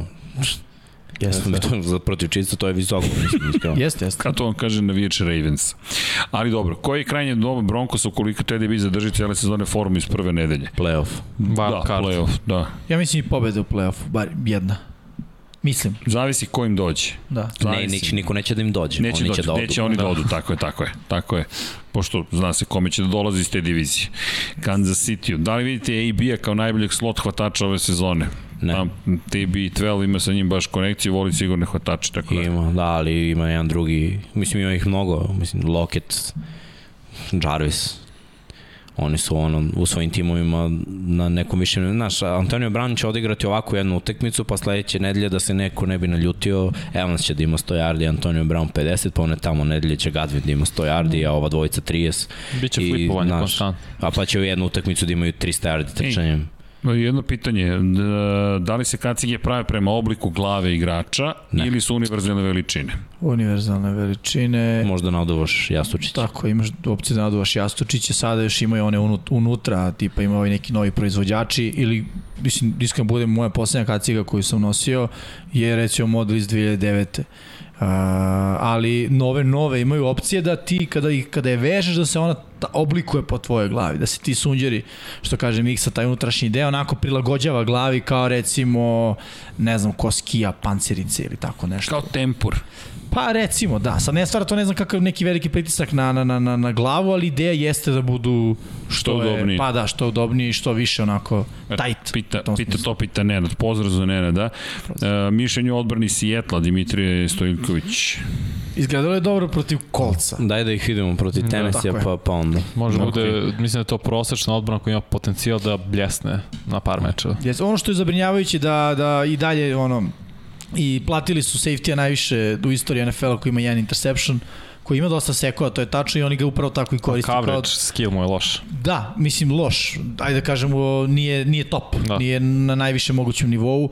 A, a ovaj e, to će to će otvoriti dosta pitanja kad budu igrali protiv ono pass heavy ekipa što kolci nisu bili u prvoj nedelji. E mogu jedno pitanje koje smo dobili, to nam je Don Pablo prosledio. Mislim da je Dobro. interesantno, onako, pitanje je bilo za mene i, i Miksu, ali mislim da možemo svi da prodiskutujemo. E, Čovjek je pitao e, da li imamo neki savet kako da kada gleda meč da izvidi sve. Jer on ima utisak da mi vidimo mnogo više nego što on vidi, on ima utisak da on samo zakuca na kvotrbeka i da ne vidi apsolutno ništa više. Sad ja sam razmišljao šta da odgovorim. Mislim da, Da. budem, ne umem to da A objasnim. mogu ja da to objasnim pre? Slobodno. To ti je... Vi ste igrali to. to je vama uh, second nature se to kaže na engleskom, kao to je prirodno, to što vi vidite sve na terenu, to je kao što ja vidim sa košarkaške strane nešto što niko drugi sem ako ni igrao ne može da vidi. To je isto vezano za futbol, to ne, ne, ti nema pomoći za to jer prosto znaš. Jedini odgovor koji mi je pao napad je periferni vid da sam verovatno urazio taj neki periferni vid i dok gledam u QB ja mogu da vidim no. onako krajičkom oka šta se dešava. Znaš, ja primetim release hvatača kog ti realno kada kreće akcija vidiš maksimum sekundu u kadru i ne vidiš ga više ako pogotovo ako ima rutu dužu od 5-6 Ti znaš šta da gledaš i to je druga pa, stvar. I, i, Moraš malo da se osloniš na prognozu. Mislim, da. nije ti ono, otprilike prepoznaš formaciju i očekuješ da će nešto da bude na toj strani. Ja, na primjer, gledam ofanzivnu liniju, ako ne pređu jedan yard, onda je pas oni imaju na pasu, ako, idu, ako se povlači ili ako je play action, moraju da ostanu jedan yard samo napred. Ako je dodavanje, ako pređu ili, ili, ili ovaj, a ne lepo, da, eligible blocker downfield. Blocker downfield. Da i onda to pogledaš, znači onda ti odmah javi, ako vidiš pull ili nešto, trčanje, yes. odmah to možeš da definiš, to, to je ono lekcija broj 1, kako da ne gledaš kvotrbeka, kako on, mm. znaš, tamo odlazi, ili prvo ofanzivna linija, defanzivna linija. Tu onda vidiš i prekrše, fall start offset, tu odmah možeš da vidiš da li se dešavaju te greške. E onda, nakon toga, pas treba 2-3 sekunde, znači 2 sekunda možeš da se fokusiraš na liniju skrimidža, onda možeš, ako vidiš, aha, to se desilo, onda fokus na quarterbacka, pa onda pratiš loptu. Jeste. I ja bih rekao još jednu stvar, mislim, sad će to možda zvučati ljudima prekomplikovano, ali vremenom se dođe od toga. Down and distance. Treći za 18. Realno, u toj situaciji samo gledam hvatače. Prvo, i ono što je Miksa rekao, kad se lopta snepa, ja ne gledam u quarterback. Misliš, nema da vidim kako on hvata loptu, pravi uh, tu, tu step drop, tri step drop, nema šta da vidim, iskreno. To ovo je NFL. On neće da se saplete dok ide dva koraka unazad. Gledam ofenzivnu liniju što je Miksa rekao. Ako nakon snepa lopta oni kreću napred, ja očekujem trčanje.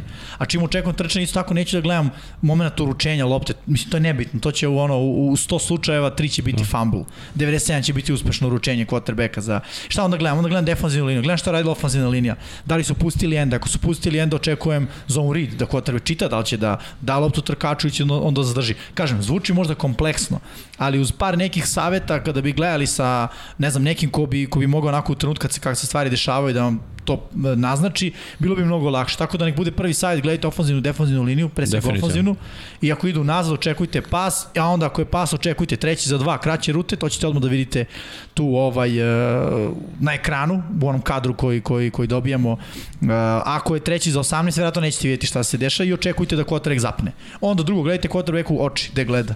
Ako gleda levo, nešto će se desiti na, tu, na toj strani, logično, mislim, tamo da gleda, tamo će da baci čak. To je zanimljivo, ako on gleda levo, baci desno, ti znaš opet Teško, šta, šta radi. Ali... Oni ko može, možda, možda gleda u sredini da baci, da baci nego desno. nego na poslednjem trenutku pogleda na desno, na primjer da. kada fintira, tu možete da vidite da. i quarterback kako pokušao da prevari odbranu da je navučen određenu stanu. Ali gledaj, to će sve da potraje duže, jer da bi se razvilo, to je jest, duže od 3 sekunde, ti si do tad već pogledao šta je na, na, na liniji skrimidža. Vidi, ja zavisi gde sam, ako sam kod kuće, to je ono, razrok sam, pokušam da se, pa ne, ozbiljno, mnogo veći tebi, pokušaš da shvatiš sve, ja, to što ti kažeš periferni vid, znaš, gledaš i hvatači gde su, da, da, znaš, koj, na koju stranu je ko krenuo, linebacker, koja je prvo, koja je formacija, dalje, ne Tako znam, je. empty Bravo. set ili nije, znaš, prvo mi je formacija, ok, već formacija će vam mnogo toga reći. Yes.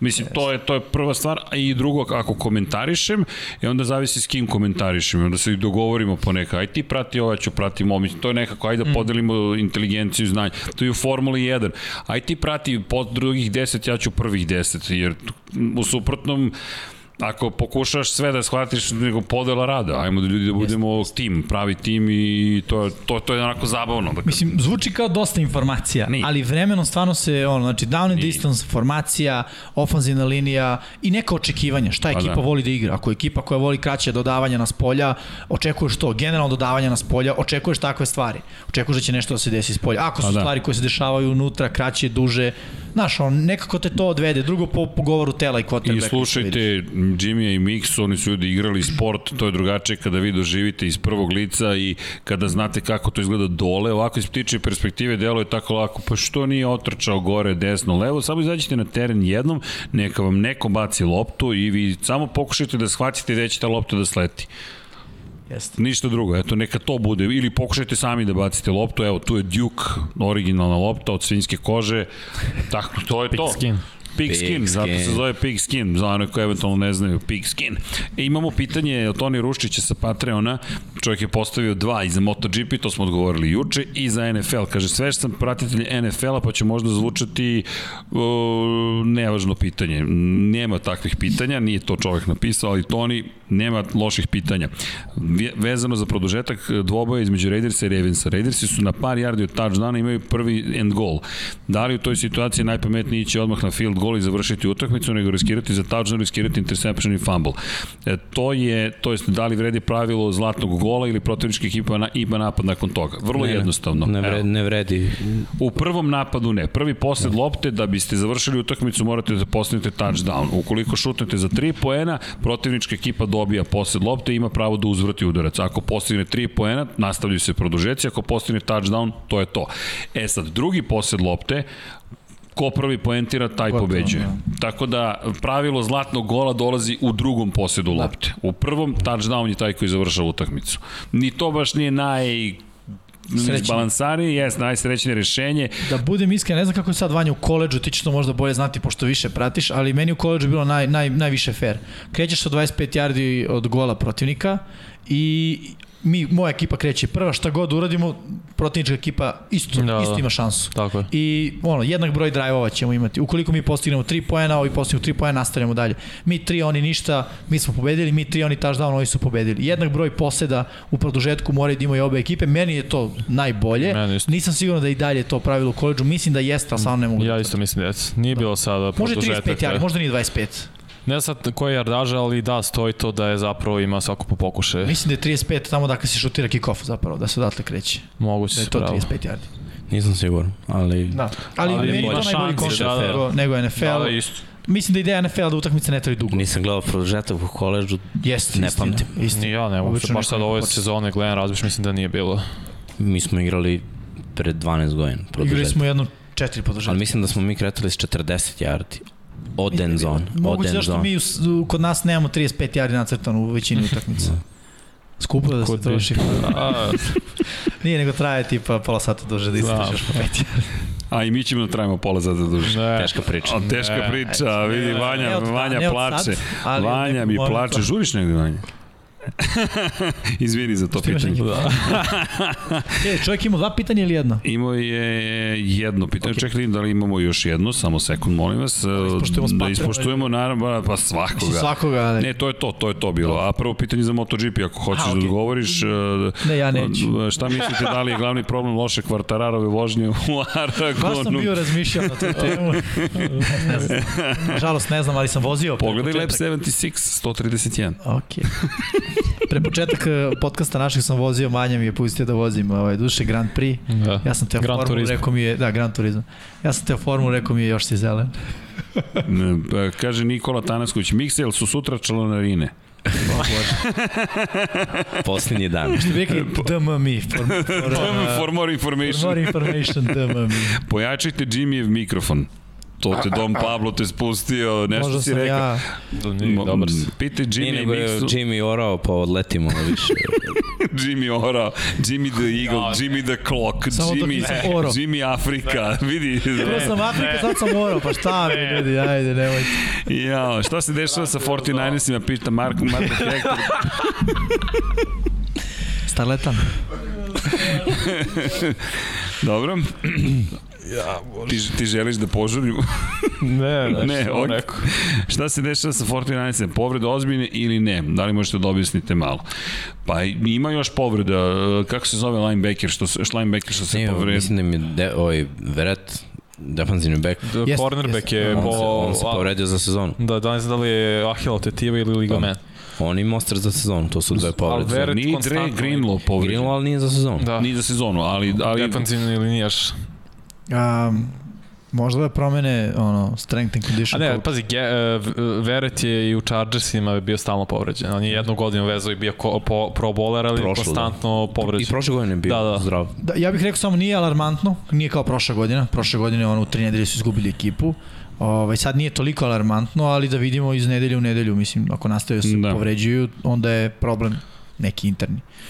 Da, Luka Rudan zahteva da pročitam ovo. Pre bih uzeo Danija Jonesa nego Lamar Jacksona koji ne zna da baca loptu. Aj, Se, aj. secka izbačaj u svojoj četvrtoj godini. Wow, kako, kako kick. Pa pre bi uzeo quarterbacka koji nema 57 izgubljenih lopti. Tako da, Luka je uvek to postoji najbitnije. Pre bi izabrao Lamara nego sile. Bakera.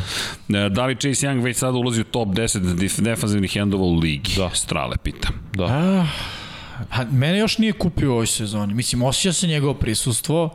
Ne mogu da kažem da je sad kao podbacio odnosno na ruki sezona, ali mi je bio veća priča u ruki sezoni e, od samog starta nego sad trenutno. Neko sam možda imao veće očekivanje, ali ajde da budem i realan s druge strane, ono čovjek je stvarno razvalio prošlu sezonu i kao šta možda očekuješ više od toga, mislim, ono Aaron Donald ima kons, ono, konzistentan je, pa zato, znaš, on i kad ima sezonu koja je kao prošla, ne može reći nije korak napred, jeste jer su to brutalne brojke.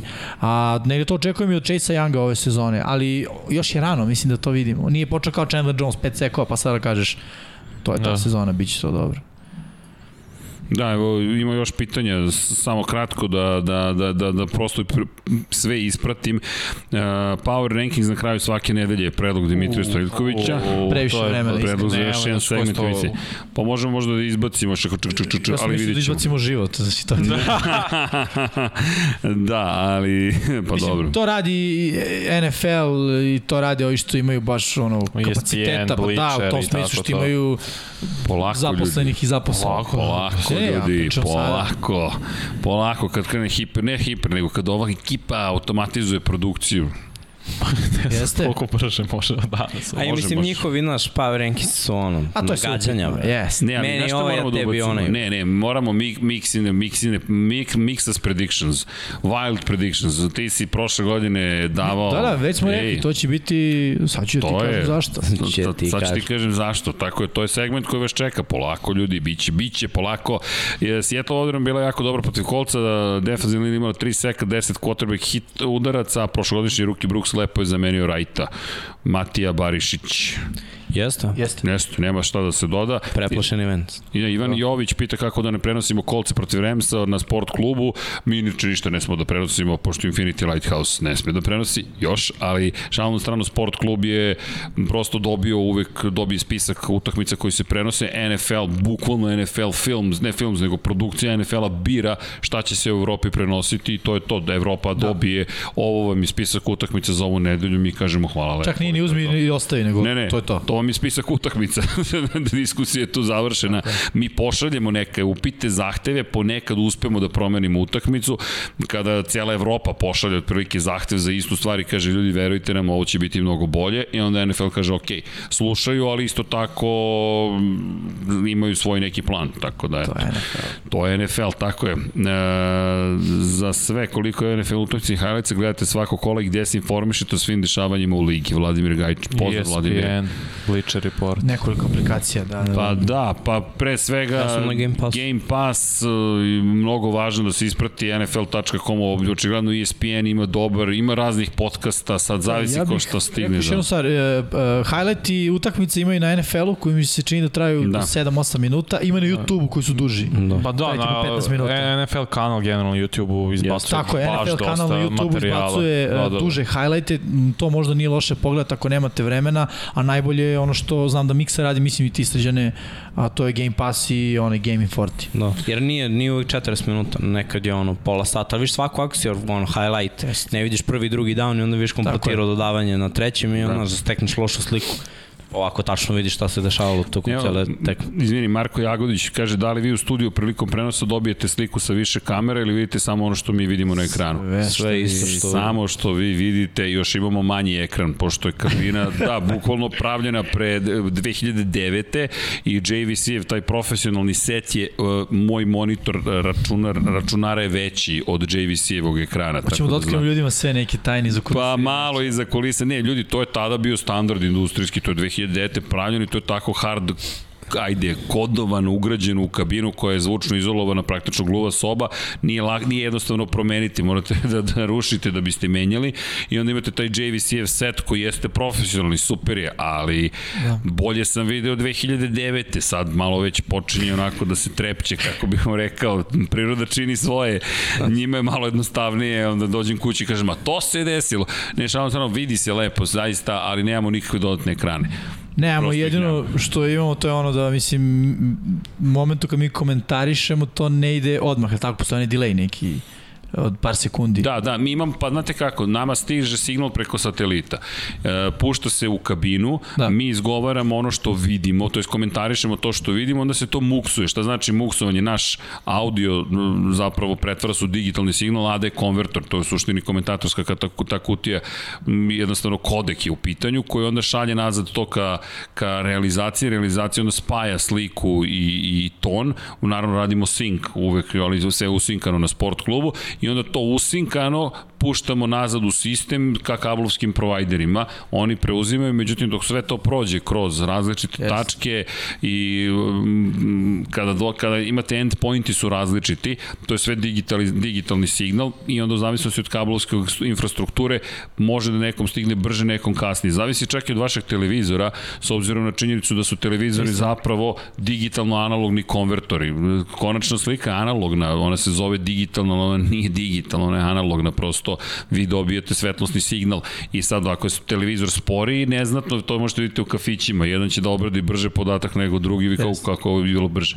I onda mi, broj, da. a mi imamo Ali onda TV. pratimo na dva mesta je. i vidimo jednu akciju još jednom. Još jednom, 5 sekundi kasnije. I onda, pošto nemamo e, mogućnost da upravljamo ponovljenim snimcima, onda mi upalimo sebi isti kanal koji prenosimo i vidimo 5 sekundi kasnije kao da smo pametni ili nismo. Da. I da kažemo da, pogrešili smo, pre nego što to prikaže režija. Da. Ali to je prosto, to su I, neki trikovi. Ja vam se desilo nekad se zbunite pa gledate ovo što kasnije. Jao, znaš šta sam uradio prošle nedelje? Ne, pre, pre, pre dve nedelje, tri. Prenosio. Formula 1, ne, slušao, Formula 1 i Junkie nam nešto nije bio dobar, ja ostajem sam na MotoGP pa je sam na Formuli 1.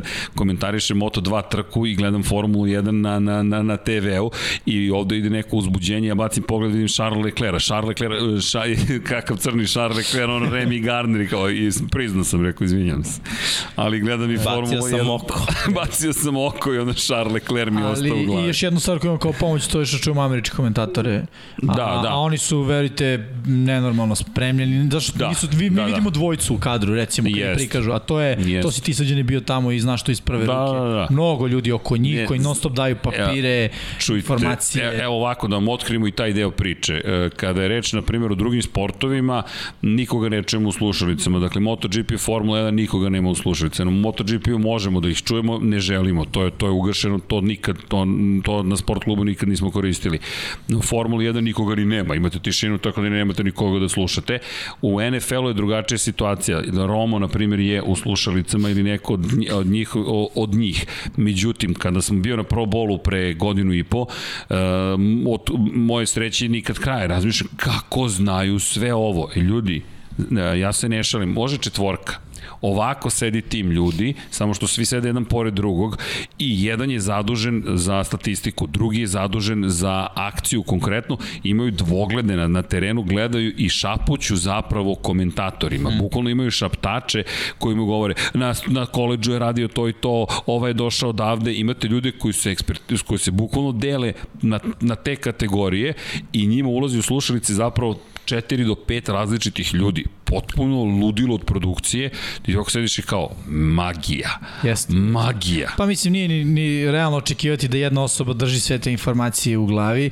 Toni Romo konkretno one njegove analize to je apsolutno njegovo. Ne, to, to Ali njegovo, te stvari, da, da, da. brojke, još u Americi oni to sinkuju sa grafikom, oni kada prikažu grafiku, ne, ne, to zašto su tražili da se nešto prikaže. Pa i imaju više te monitore zapravo, njima izlaze grafike koje niko od nas ne vidi, ali sad šta mi radimo, jel te dovitljivost je čudesna i onda pa jeste, zna se šta radimo. Jedan računar služi, na primjer, za, ne znam, Twitter feed, je drugi računar nam služi da pratimo ostale rezultate, treći računar vam služi Statistiku. za statistiku. Jimmy ima tablet, pa onda upalimo na tabletu nešto drugo. Možemo da uključimo, na primjer, NFL Red Zone da bismo videli šta se tamo događa na drugim tekmama, pa ako prenosimo informaciju ili Da. ako je poslednje kolo da budu, ali mi čujte, to isto i za Formula 1, za MotoGP važi, povadimo tablete, fablete, ekrani su na sve strane da biste učinili pro- produkciju boljom. To, a to je, sad zavisi od nas kao pojedinaca šta ćemo da uradimo.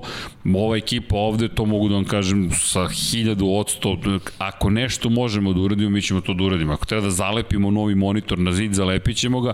Nama je cilj, kao što ti ljudi na terenu su takmičari, mi se takmičimo sami sa sobom i hoćemo da svaki prenos bude sve bolji i bolji. Hashtag SKNFL tokom utakmice, trudimo se da ga pratimo, da to prokomentarišemo, tu nam pomažete. Instagram pratimo sve. Instagram je zašto? To što svi timovi koriste Instagram i tako dalje. Inače, na pitanje koliko čega gledamo, ljudi, nemamo tačan broj. E, Šta god nam padne ruku, gledamo ili slušamo ili čitamo. Znate, dođe vam neki časopis, vi uzmete, čitate, otkrite neku novu informaciju, neki detalj, to će se zapatiti u glavi i onda se setiš, ej, čekaj, sećam se da je izjavio tada i tada, ne znam, ko što Sports Illustrated je uvek zanimljiv iz te perspektive. Sećam se posle Superbola 49, ta čuvena priča kako je Russell Wilson spakovao sve odveo na, na Havaje, da bi imao team building, da. to, to, to najveći tekst o tome je bio Sports Illustrated, onda vam padne ruku Sports u nekom aerodromu i kao Sports Illustrated, daj. Ma, čujte, šte gde god, pogotovo što stvarno, ako neko vuče ka Romu, to nam je miksa koji stvarno izlači iz iz pete otprilike, nikad ne dođe s papirima, nego dođe i ste Ali spremni. nije, ali to je, to su odgledane tekme, znaš. A to je, to je- ta je, to je kilometraža. Vidi, to, to je mora da, znaš, kad gledaš 20 godina svaku tekmu, svake godine, ne možeš da, da ne budeš u materiji. Da, da, pa vidi, Znači, ali ja sam to kad je... uzeo da, da pratim ono, hokej sledeće godine, bio, bio, krećemo od nule. Pa da. Ja razum, baš od nule, nule, nule, ne znam ni svi timovi koji su. Ne, ali i šta ti sve uđe u glavu, više ni ne znaš šta si zapamtio i kad si to pročito i kad se šta desilo i to nekako glava ti izvuče neku informaciju i kaže, e, čeka, ovo Ali se bih se seća. isto ono rekao, mislim, kao za sve što, što ljudi rade, morate zanima. Mislim da, Da, nas da, to da, da, apsolutno da, da, da. zanima i onda to je ono, na, na, najbolji deo svega je što je sve vreme zabava dokle, dokle te stvari radimo, ja dokle dobijam te informacije, pa igramo i fantazi, neki od nas i onda i tu pokupiš informacije da. ko je povređen, koga će, ko će biti startovan, ko će biti benchovan, mislim ono i Pa Evo, izvini, evo baš pitanje, e, ovo je Vanja, baš komentariš, kako komentarišete duel braće Manning na E ESPN-u? Ljudi, Znači, oni su napravili show. show. Znači, Dobri su i gosti bili. Ludilo. Ali ne, kad Vanja mi je pokazivao kad, kada, kada imitiraju, znaš, Da. Raiderse, ono, Stavlja kacigu, a ne, mnogo mala kaciga. mnogo je dobro, pri čemu njih dvojica znaju, obojica osvojili po dva Superbola. Ko neko I- zna, to je Peyton Manning. Ne, ali Peyton- ima vidi, i, Eli- i čar za show business. E, Ilaj zna, ali Ilaj mi više deluje kao da će da, da, da, Trole. da, da troluje, baš da troluje, baš si lepi termin izabrao. Peyton malo je onako ozbiljniji, znaš, ti ga gledaš, to magnet ka show zna. Da, da, ne, ali Peyton je stvarno, on čovječak, si ga gledao u Modern Family, to mi je Da, bilo da. super kad se pojavio. Mnogo, ne, to je mnogo dobro epizod, to moraš da odgledaš. ne gledam seriju. Brate, najbolje pojavljivanje mu je kad je vodio ispis nagrade. Jeste. da. Jeste. To je izdoktorirao. Jeste, i baš je doktor bio. E, inače, koje pitanje, pitanje sve u studiju, da li ste gledali film Dan odluke Draft Day sa Kevinom Costnerom? Nema. A ja, šta? Day, jesmo više. Pa tako je vjerojatno preveden. Draft Day. Draft Draft Day. A, Draft Day, da, da, da. Da, čujte, Odlično. Ja sam gledao kao dete sto puta ona početna scena kada ona igra na futbolskom meču i vadi pištolj i kao kreće da puca. Čekaj, ne, to, Ne, ne, ne. ne, to ti je Last. Boy Scout. Nije, to ti je Last. Boy Scout. Čekaj, je vratio Bruce si me Willis Bruce Willis. Čekaj. Damian Byans. Čekaj, Damon, tako je. You're wearing the $650 je- uh, pants. I'm old.